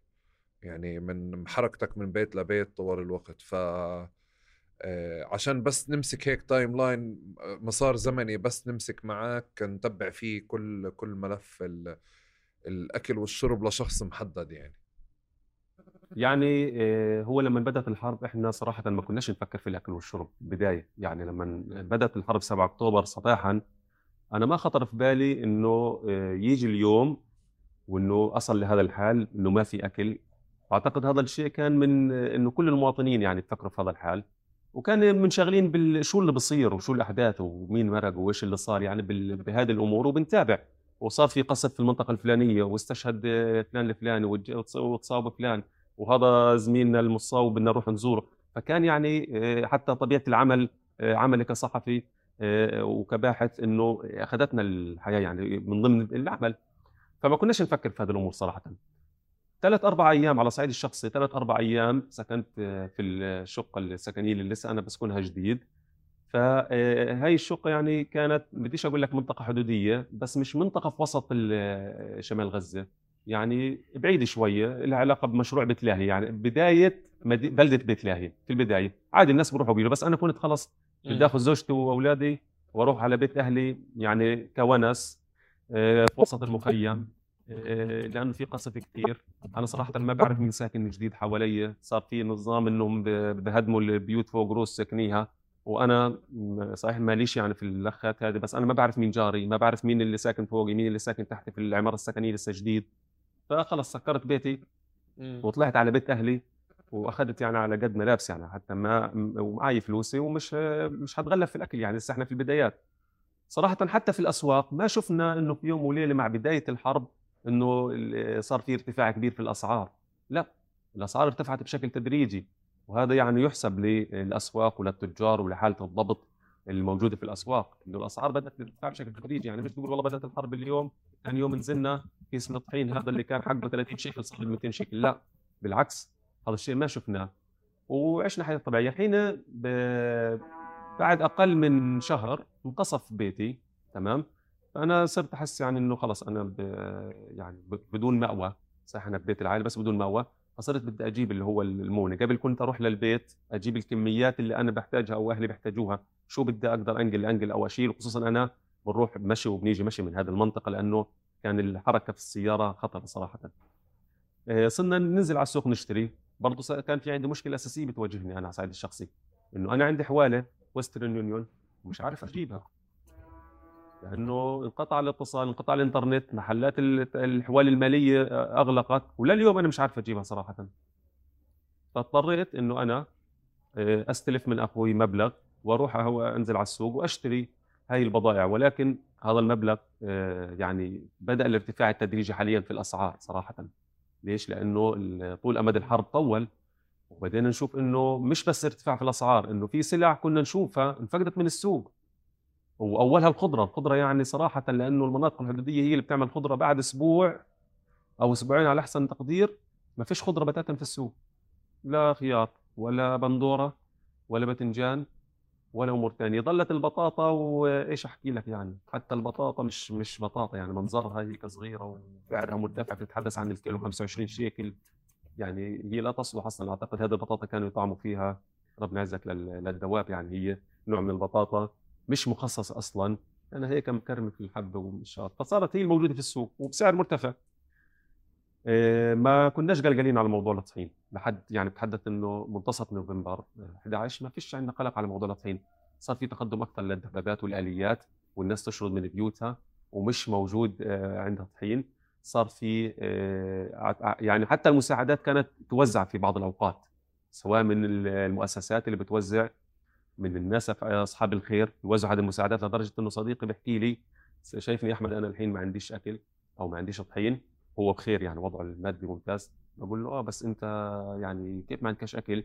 وأبوك تاجر يعني. أبوه تاجر هو التاجر اللي ببيع الطحين وببيع الفريكة وببيع ال- الأمور هذه اللي لها علاقة بالبقوليات. بقول لي تخيل إنه أنا هذا ما أبوي يعني ببيع هذه الأمور بس ما عندي آه، طحين. هو تاجر. انت متخيل تاجر. ليش؟ لأنه آه، انقصف بيتهم بالكامل. وأنا أزعم إنه قصف بيتهم تم بش... خمس طوابق سويت بالأرض فقط لأنه الحواصل عند أبوه موجود فيها طحين وفريكة والأكل تاع الأطفال هذا السريلاك وما شابه فهو خسر الخمس طوابق فقط عشان هذا. فبحكي لو بنقدر بس يا أحمد الحين آه، نطلع حاجة من تحت الردم. أنت متخيل؟ طب الحين لو أبوي يطلع كيس الطحين قديش اللي قلت لك؟ يعني شوف أنت صار يودي في سيناريوهات يرسم هذا الشاب سيناريوهات. قديش بيبيع كيس الطحين؟ طب بعوض جزء من الخسارة اللي خسرها في الخمس طوابق. فقصفوا بيته بس لأنه في عنده في الحواصل مخزن للطحين والهذا وحاليا هو يعني بيجري زيه زي أي واحد من المواطنين هو وأبوه وكل عيلته إنه ما في عندهم أكل. وهو تاجر ومعروف يعني تاجر له اسمه في السوق في غزة. يعني لو ذكرت فلان الفلاني في غزة الكل بيعرفه كتاجر. فبدانا من منتصف آه، ديسمبر نحس إنه في إشي غلط على صعيد الأمن الغذائي. يعني بداية ديسمبر منتصف ديسمبر. عفوا. آه، يعني بنتحدث إنه آه، في إشي غلط. الأصناف بتنفقد وأصناف أساسية. يعني على سبيل المثال أنا بديت اعاني في موضوع الحليب مع بنتي عندي آه، طفلتي عمرها سنة ونص. بديت اعاني في موضوع الحليب.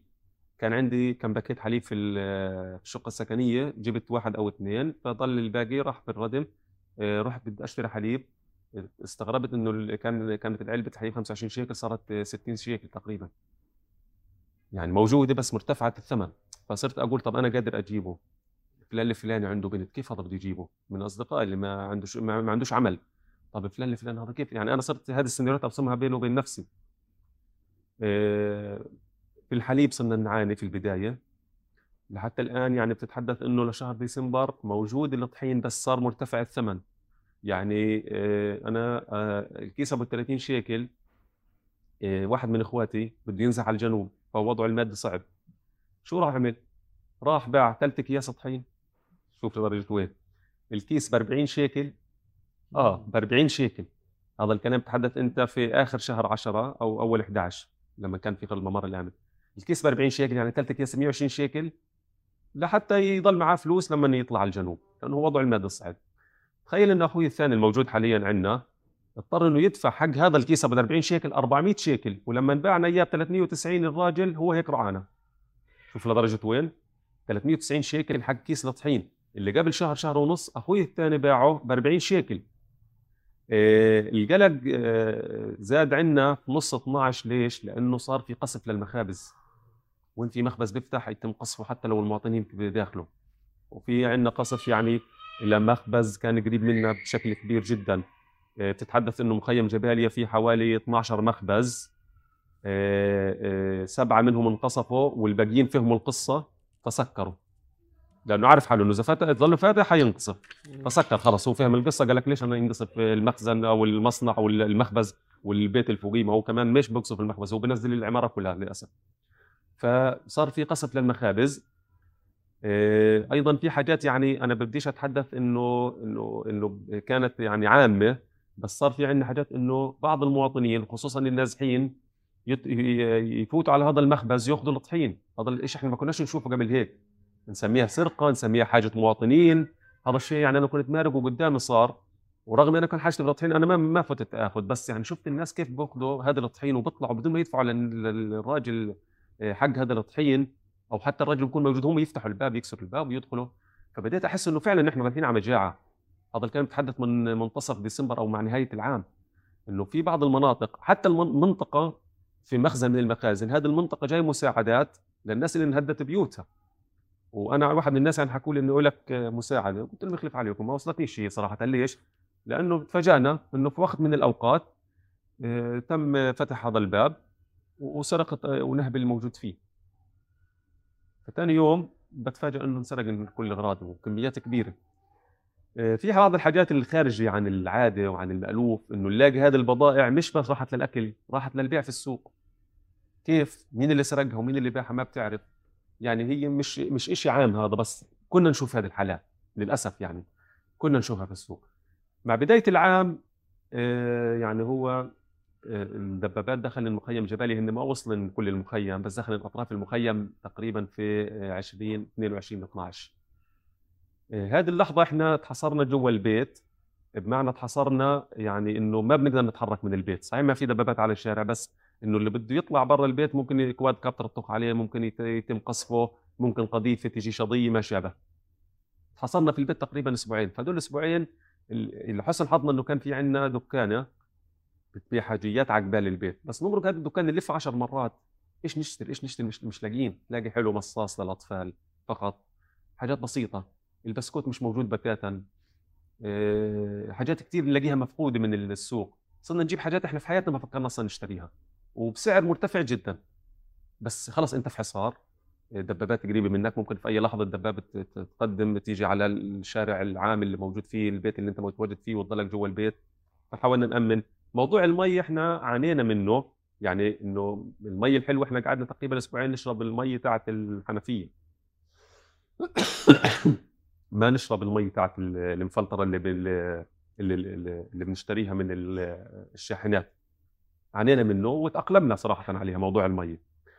آه، حتى المي الاستخدام الادمي والاستحمام وما شابه كنا ننقلها في المسافات بعيدة. وفي وقت الحصار هذا إحنا عانينا بس يمكن في البيت اللي في عندنا كان خزانين وإحنا مليناهم قبل هذا الشيء فهذا الشيء ساعدنا ساعدنا بشكل كبير بس في ناس انقطعوا من المية وانقطعوا وتبهدلوا تبهدلوا بمعنى الكلمة. آه، مع بداية العام بدينا نحس بالمجاعة. قبل ما نصل لبداية العام كان في عندنا في آه، أول ديسمبر أعتقد أو نهاية نوفمبر اللي هو أسبوع الهدنة. هذا أسبوع الهدنة إحنا عشناه صراحة كنا يعني أنا صراحة من واحد من الناس أنا وعيلتي كنا بنعده آه، آه، يعني في رفاهيه كبيرة جدا مع إنه ما عملناش شيء. بس كان كل شيء متوفر. يعني إحنا انقطعنا شهر 10 و11 دخلنا في الأسبوع الهدنة شفنا في حاجات تجينا من الجنوب ومن الخارج ما كانتش موجودة قبل. صحيح سعرها مرتفع بس موجودة. بدأت انقطعت من السوق أسبوعين ثلاثة موجودة. فهذا أسبوع الهدنه كان صراحة يعني نعمة من ربنا إنه اجانا مع بداية العام إحنا بدينا نحس في ال- في الأمور السيئة. يمكن مش عارف أنا إذا وجه باين عليه ضل مشان هيك حتى مع حلقه دقني. أنت قديش ضعفان أحمد؟ والله ضعفان كثير أنا مش أنا مش ناصح بالعاده يعني ضعيف بس برضه ضعفان. والله يعني ما ما بخبي عليك على انه البنطلون؟ شوي وسع البطن لا أنا أنا في العادة مش ناصح. أنا بأجري مسافات يعني زي ما حكيت لك مش ناصح. بس آه، في كتير ناس يعني آه، أقول لك ما في حدا ما ضعفش. استحالة تلاقي آه، شخص ما ضعفش. فيش مجال. والله صاحبي ما عرفته. صاحبي أقرب الناس إلي غاب عني ثلاث شهور. لما اجى هذا كان يقول لي نفسي أجري زيك وما عندوش يعني هاللياقة في الاجراء ودائما يحاول يجري. طب بس أنت ليش بتسرع؟ خليك. والله لما شفته أنا ما عرفته. بقول لك إيش اللي صاير لك؟ وجهه مطبق وصار أضعف مني. هذا كان مليان هيك. بقول يا أحمد آه، إيش أنت متخيل ما فيش أكل وفي شرب؟ فما فيش مجال إنك تشوف حدا ما ضعفش أو عمل الدايت الطبيعي كنا بنسميه حاليا هذا دايت طبيعي أو دايت غصب عنه. مع بداية العام بدينا إحنا نحس في في المشكلة الأساسية. بدينا نشوف إنه حتى الناس صارت تتقاتل على الأكل. يعني آه، أنا هذه النقطة صراحة آه، اللي بتحكيها مش حابب إنها تنتشر بس على أساس إنك تشوف لوين إحنا وصلنا. إحنا وصل الحل في عندنا في البيت ان نقسم الخبز شوف لدرجة وين؟ أنا في حياتي ما تخيلت إنه أصل لدرجة إنه والله آه، خبزنا اليوم على سبيل المثال ويا ريته خبز يعني طحين لا الخبز اللي هو العلف والدور خبزنا 20 رغيف فانت أقول لزوجتي خي ست سبع رغيف هدول الك آه، هدول لمرت أخوي هدول هاد. يعني وصل فينا الحل لهذه الدرجة. أنت متخيل؟ يعني بحياتنا ما ما فكرنا إنه إحنا نعمل العرب عربين أو نقسم الحصص أو ما شابه. بالعكس يعني إحنا أنا يعني تربيت في بيئة إنه كل شيء متواجد نفتح الثلاجه كل شيء موجود. الفلوس معانا. إيه، حتى من قبل ما أنا أشتغل أو أتوظف يعني أبوي ما كان حارمنا من شيء هاي المصاري يا إيش بدكم إيش ناقصكم بس وصلنا لوضع إنه لا الوضع اختلف نهائيا لأنه ما فيش. إيه، الواحد من آه، اخو من إخوتي هو أيضا صحفي.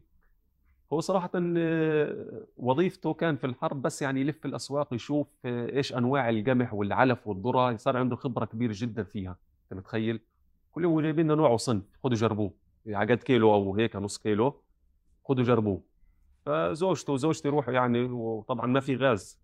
غاز ما فيش يعني أنت لو حاليا شميت ريحة هتلاقيها كلها داخل أنا جاي من عند ال- الخشب والأمور هذه والقعدات وصرت خبرة صراحة في توليع النار. آه، خذوا جربوا هذا النوع من ال- ال- من الطحين. بتلاقي آه، يا إيش رايك؟ شوف أنت لدرجة وين دوق؟ والله في مرارة. والله اللي جبته آخر مرة أفضل من هذا. لا وهذا يقول يعني صرنا نبدأ رأينا. لا اللي جبته المرة الجاية اللي حتجيبه المرة الجاية يعني آه، ممكن يكون أفضل. شوف واحد غيره. آه، هذا ما ترجع ترجعلوش بتاتا هذا غشنا لأنه آه، طعمه بالمرة مش نافع من هالكلام. وأنت بتتحدث عن طحين بتتحدث عن ذرة مع شعير مع كسبة مع قرطم هذا أكل ال- الأرنب والعصافير عليه. الحين وصلنا لطريقة هذه الطريقة يعني بحكي لك إياها من قبل أسبوع. فأخوي هذا بيهتم في كثير في هذه المجالات. قال اعملوا ال- الطحين زي الكريب أو زي القطايف لأنه بنشف هذا الخبز بنشف يعني بسرعة ما بترفع عن النار لو حطيته دقيقتين بصير زي الحطب. آه، حطوا شوية نشا مش عارف إيش فهو جاب لنا طريقة حاليا إنه آه، حط القلاية. شوف أنت درجة وين صرنا خبرة في, أي مجال يعني الواحد ساب موضوعه وعمله وصحة وشغله في الصحافه صار بس يجري إنه إيش بده يأمن أكله. آه، نحط القلاية على ال- ال- على الحطب والخلطة لما تحط عليها مي حط عليها مي كثير زي القطايف. وزي الكريب. وهذا ال ال ال الخلطة اللي بتعملها ديرها دير ادلقها دلق في الموضوع ال- اللي هو في القلاية. وبعديها قلبها. هذا صراحة يعني لقيناها طريقة أفضل من اللي قبل لأنه ما بحطب الخبز بس برضه بتفتفت وفي مشاكل. يعني على كل حال إحنا صرنا نجرب طرق وحاجات وصرنا خبرة في جميع أنواع ال- الأعلاف والذرة.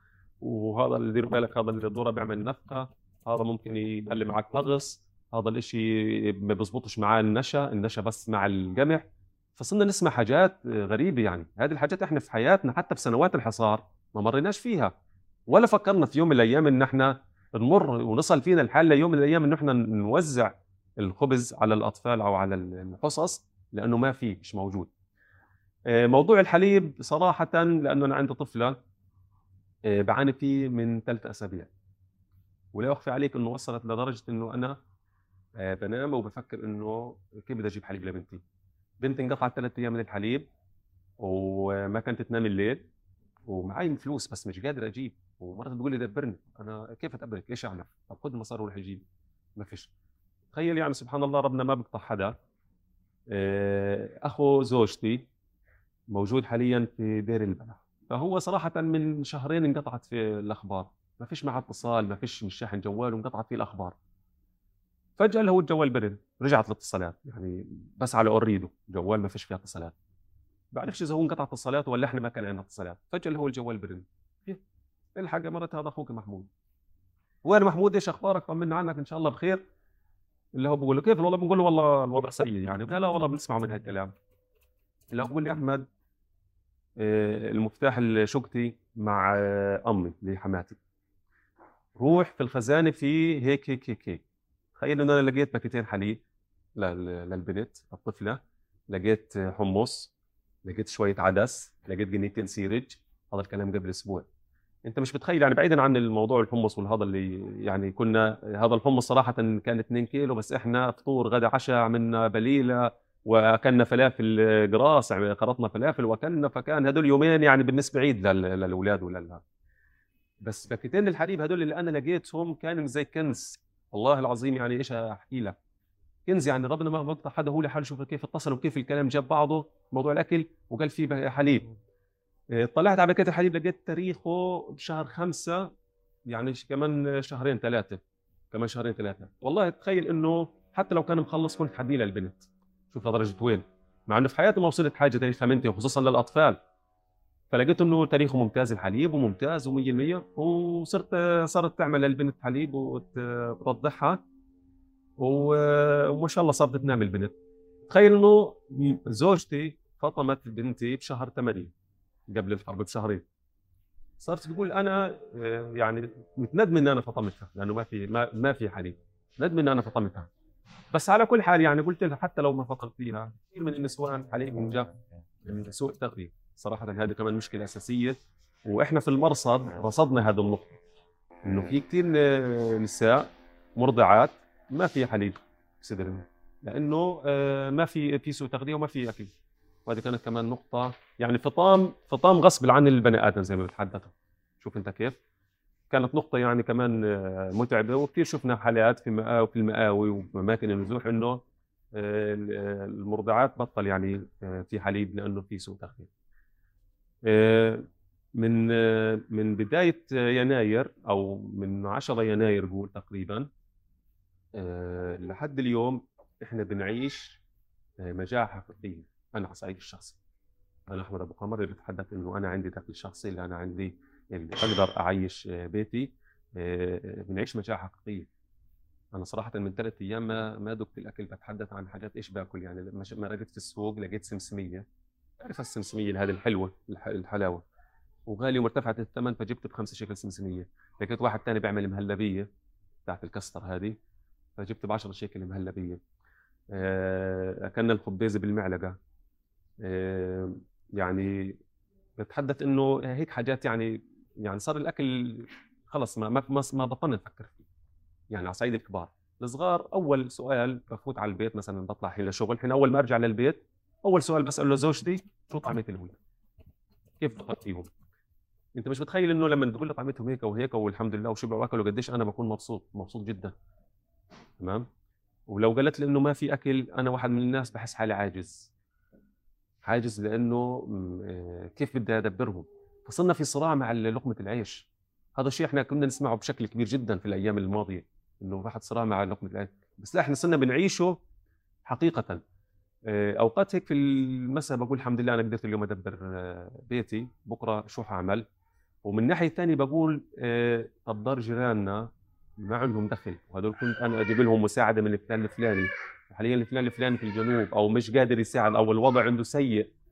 كيف أنا بدي كيف هذا عايش؟ كيف؟ فثاني يوم بتلاقيني بعمل زي جس نبض. بس بتلاقي الناس عم عزة نفسهم مرات ما بتسمح لهم يحكوا. يمكن هذه الحاجات اللي أنا بحكيها كمان ما ما بيحكوها. إيه، صار حال الناس كلها واحد كل واحد صار ينشغل بحاله ممكن. ففي حاجات كتير غريبة. بس برضه بنرجع وبنفكر إنه في ناس كتير هي ما قبل الحرب ما كانتش مأمنة حالها. يعني مش مأمنة حالها بموضوع الخبز لا مأمنة حالها من ناحية الحاجيات الأساسية زي ما حددت لك في البداية. فهي صراحة كيف عايشة؟ كيف هذا السؤال اللي كل يوم إحنا بنسأل حالنا في ألف مرة واللي صراحة أنا خايف ألاقي له جواب والله يعني خايف أنا أروح لفلان الفلاني أدخل بيته ألاقيه باكل مش عارف إيش أو حتى ما باكلش يعني. بس أنا اللي متوقع إنه في عنده مصيبة هذا في البيت من ناحية الأكل. كيف؟ ما بعرف كيف بدبر امور يعني كمان أنا في نقطة أساسية فادتني لأنه أنا ما ما قدرت أحصل على حوالتي المالية اني استلفت من أخوي. اللي أخوي اثنين في تركيا. بعثوا لنا يعني حواله آه، أنا كانت حوالتي عن طريق العمل في منصة محفظتي اللي هو ويسترن يونيون ما في طريقة ثانية. فأنا تحدثت حتى مع مسؤول في العمل انه أنا ما أقدر أسحبها. قال لي في أي وقت في بعد ثلاث شهور بترجع لحالها هذه الحواله في أي وقت إحنا بنرد لك إياها. وقت إيش بيصير عندك ويسترن يونيون طمنا. بس أخوي قدر يوصل لنا فلوس إيد بإيد يعني عن طريق مكتب اتصالات. روح لفلان الفلاني. بعطيك آه، حوالتك من الفلوس وباخذوا عموله عاليه صراحة كمان. فلما أخوي هذا قدر يبعث لنا الفلوس أنا قدرنا ندبر أمورنا موضوع الفلوس. بس في ناس ثانيين ما لهم مغتربين برا ما عندهم عمل. فهذا كيف بده يروح يشتري؟ يعني أنا بفوت بسأل عن هذه البطاطا اللي مش نافعة فواحد بيقول لي والله هذه كنا نطعميها للعجول. واحد بيشتغل في المواشي قال له والله كنا نطعميها للعجول. بطلع بيقول لي 25 شيكل. فأنا بستغرب كيف الناس بتقدر تشتريها أصلا. يعني أنا بعد حالي من طبقة متوسطة بالنسبة للناس مش فوق دي ولا حاجة. بس هذه الناس من 25 شيكل هذه لما كانت إيه، وهي سليمة مش هذه البطاطا كانت ب 3 شيكل الكيلو كانت الناس ما تقدرش تشتريها. هيك إحنا بنتحدث عن موضوع المجاعة. إنه قبل يعني كان يعني كان في طحين بس لما تقول والله الخضره البندورة 2 كيلو ب 50 أو 3 كيلو ب 100 الناس ما تقدرش تشتريها. هذا الحصار اللي كنا نعيشه. حاليا الحصار إنه مش موجود. ولو موجود سعره خرافي. يعني بالنسبة لقبل. آه، هي المفارقة اللي ما بين قبل 7 أكتوبر في الحصار واللي حاليا بنعيشه قبل 7 أكتوبر بنتحدث إنه السعر يكون آه، بالنسبة لي أنا آه، متوسط لا هو رخيص ولا هو غالي. بالنسبة لغير السعر مرتفع جدا لأنه ما عنده دخل ما عنده شيكل ما عنده اثنين. فلما يجي يقول لك البندورة والله صارت بدل الكيلو بثلاثة صارت الكيلو بخمسة هذا مشكلة كبيرة بالنسبة للناس. مشكلة كبيرة. يمكن في مناطق ثانية لو صار ارتفاع على بعض السلع مناطق ثانية غير غزة ما ما يحسوش. بس إحنا كل شيكل له قيمته. أنت مش متخيل إنه آه إنه الن- النص شيكل النص شيكل. تعرف النص شيكل طبعا بما إنك فلسطيني. النص شيكل له قيمته بشكل كبير جدا عند الناس. يعني الحين لو لقيت طفل في الشارع وديته النص شيكل هذا أنت مش متخيل قديش حيطير من الفرح. بس للأسف ال- العملة أكلت قيمتها والسيولة بطلت مع ارتفاع الأسعار. يعني تحدث إنه حاليا كل يوم قبل يا كان في المتوسط أصرف ما قبل 7 أكتوبر كنت في المتوسط أصرف في اليوم 100 شيكل. وأحس حالي إني يعني بالمتوسط لا, تقول بدي أروح مطعم ولا غيره يعني الحاجات الأساسية على قد مصروف بالبيت بس حاجة اليوم طبخة اليوم 100 شيكل في المتوسط. حاليا بتتحدث إنه كل يوم بدك 100 دولار. الوضع الطبيعي. 100 دولار كل يوم. ليش؟ لأنه الحاجة قفزت آه، أربع خمس ست أضعاف هذا أقل شيء. وبعد ما تصرف ال 100 دولار في اليوم بتيجي بتطلع أنت مش مشتري حاجة. يعني فعليا أنت ما جبتش شيء له علاقة بطبخة أو خبز أو ما شابه لا حاجات يعني آه، يعني مكملات.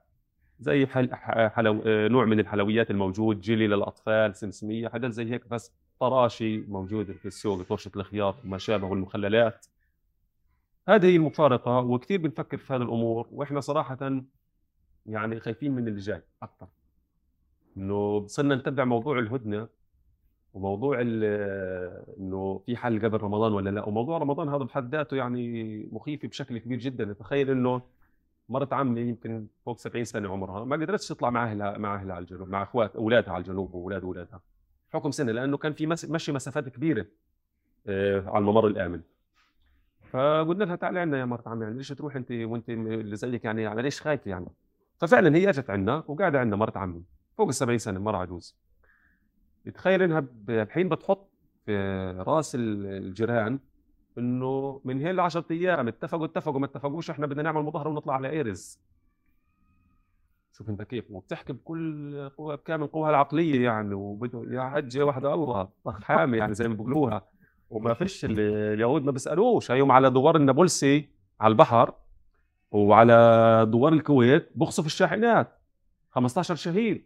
أنا ابن عمي ابن عمي لزم استشهد وهو رايح يجيب كيس طحين لما قصفوهم قبل أسبوع.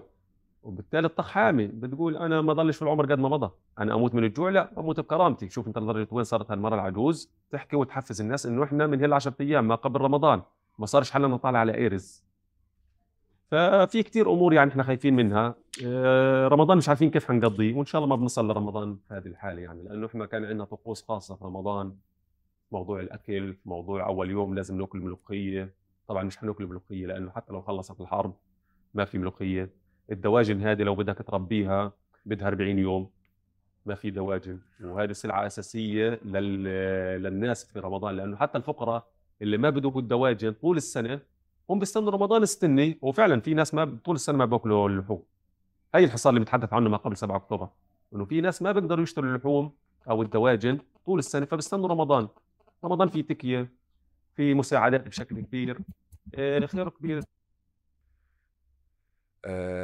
يعني بتمنى إن شاء الله عن قريب نجتمع لأنه الحكي على غزة بالأكل عادة كان بيكون بال- بالفت الغزاويه بالرز ال- الفت أكثر ولا الرز أكثر؟ قبل ما ننهي هذا قيس هذا ابن كبير اجى معي يعني أصر إنه يجي معي مع انه المشوار بعيد ماشي.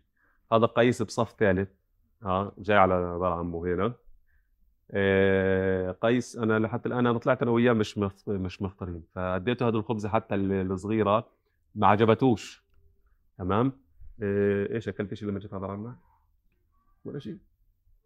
كسر كسر بقول له كانت كسر أي ماكل صحن كسر يعني الصبح.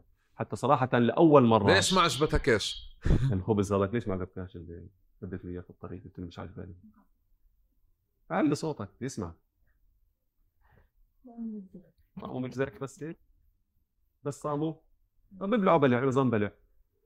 بالضبط. صراحة إيه أنا لأول مرة إيه هذا ابن الليلة بيقول لي أنا جعان يابا. فقلت له نام يابا والصبح إن شاء الله بناكل. فعلا نام وهو جعان. آه، واحد من الناس يعني بعد بعد نفسي إنه يمكن كنت أقول إنه الحاجة اللي أخرتني إني أنا أشتري هاي الشقة اللي راحت إنه أنا مصاريفي كثيرة ومش حارم أولادي شيء وبصرف كثير. يعني كانوا يقولوا أنت بتصرف كثير. وفعلا هيك. ليش؟ لأنه كنا إيش بدكم يا والله بدنا اليوم نروح على المطعم الفلاني بدنا نأكل مثلا بيتزا بدنا نأكل فطيرة ذهبية بديش عشاء من الولد نجيب له الأكلات الزاكية. إيه، فأروح وأصرف بزياده ما فيش إشكالية. فهم طيب أخوي أحمد آه، شكرا جزيلا لك أنا ب- يعني آه، شكرا على على على صبرك على أسئلتي فعليا. وبالضبط هو في مشهد في مشهد كنت كنت محتاج آه، نقدمه كامل مكمل من ما قبل فعليا. الحصار أنت رجعت لاتفاقية باريس فحتى لإلي آه، رجعتني لفترات قبل. أنا كنت مبلش من 2006 في نقاش. كل ما بسمع حدا الناس بيحكوا على الأكل أو نقص الأكل أو الحصار في غزة برجع ل 2006 بس آه أنت خليتنا يعني بالحوار هذا نرجع نشوف المشهد بشكل أكبر. وأشوف فعليا هذا الخطر اللي أنت موجود فيه اليوم. إحنا كلياتنا عرضة له بيوم وليله هي حنفية يعني. آه بالكامل. هذه مشكلة ربنا. يهونها إن شاء الله ربنا يهونها عليكم. وإن شاء الله بتصير آه، آه، هدنة أو وقف إطلاق نار قريب جدا.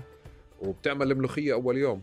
يعني هيدا طمني عليها إن شاء الله إن شاء الله. مع إنه هذه زراعتها بدها بدها شهور يعني زراعتها. إن شاء الله بدخلونا من من مصر ملوخية مثلا وبنقدر نعملها. إن شاء الله. وتشرفنا بمعرفتك إن شاء الله. وإن شاء الله بنتقابل يعني بظرف أفضل من هيك ونقدر هيك ونتذكر هذه شاء الأيام الله، إذا إن شاء ظلينا الله. للعمر بقية إن شاء الله يخلي لي اياك شكرا جزيلا لكم يعطيكم ألف الله عافيه يعافيك. أه بتمنى هذا الحوار أعطاكم ال- الأدوات وال وال وال وكافة المعلومات اللي بنحتاجها عشان نفهم لما بنشوف فيديو أو بنشوف قصة ما على نقص أكل أو على نقص صنف محدد أو على جوع أو على مجاعة نشوف المشهد الكامل اللي هو أه مشهد سبق 7 أكتوبر بسنين وسبق 2006 وحصار غزة بسنين ومشهد فعليا اللي بتعيشه الغزة اليوم عموم الفلسطينيين في عموم فلسطين يعني ممكن نكون عرضة له في أي وقت. لأنه الاحتلال فعليا بمنعنا آه، منعا باتا إنه نخزن آه، أكل أو نخزن مونة ليوم أو يومين أو ثلاثة أو شهر أو شهرين وثلاثه بأحسن الأحوال مثل ما شفتوا اليوم يعني اللي صمد صمد لشهرين أو لثلاثة أو لشهر ونص أو كذا مش أكثر من هيك شكرا جزيلا لكم ربنا يهونها. علينا وعلى أهالي غزة إن شاء الله يا رب وإن شاء. الله نلتقي في حلقة قريبة في الأسبوع القادم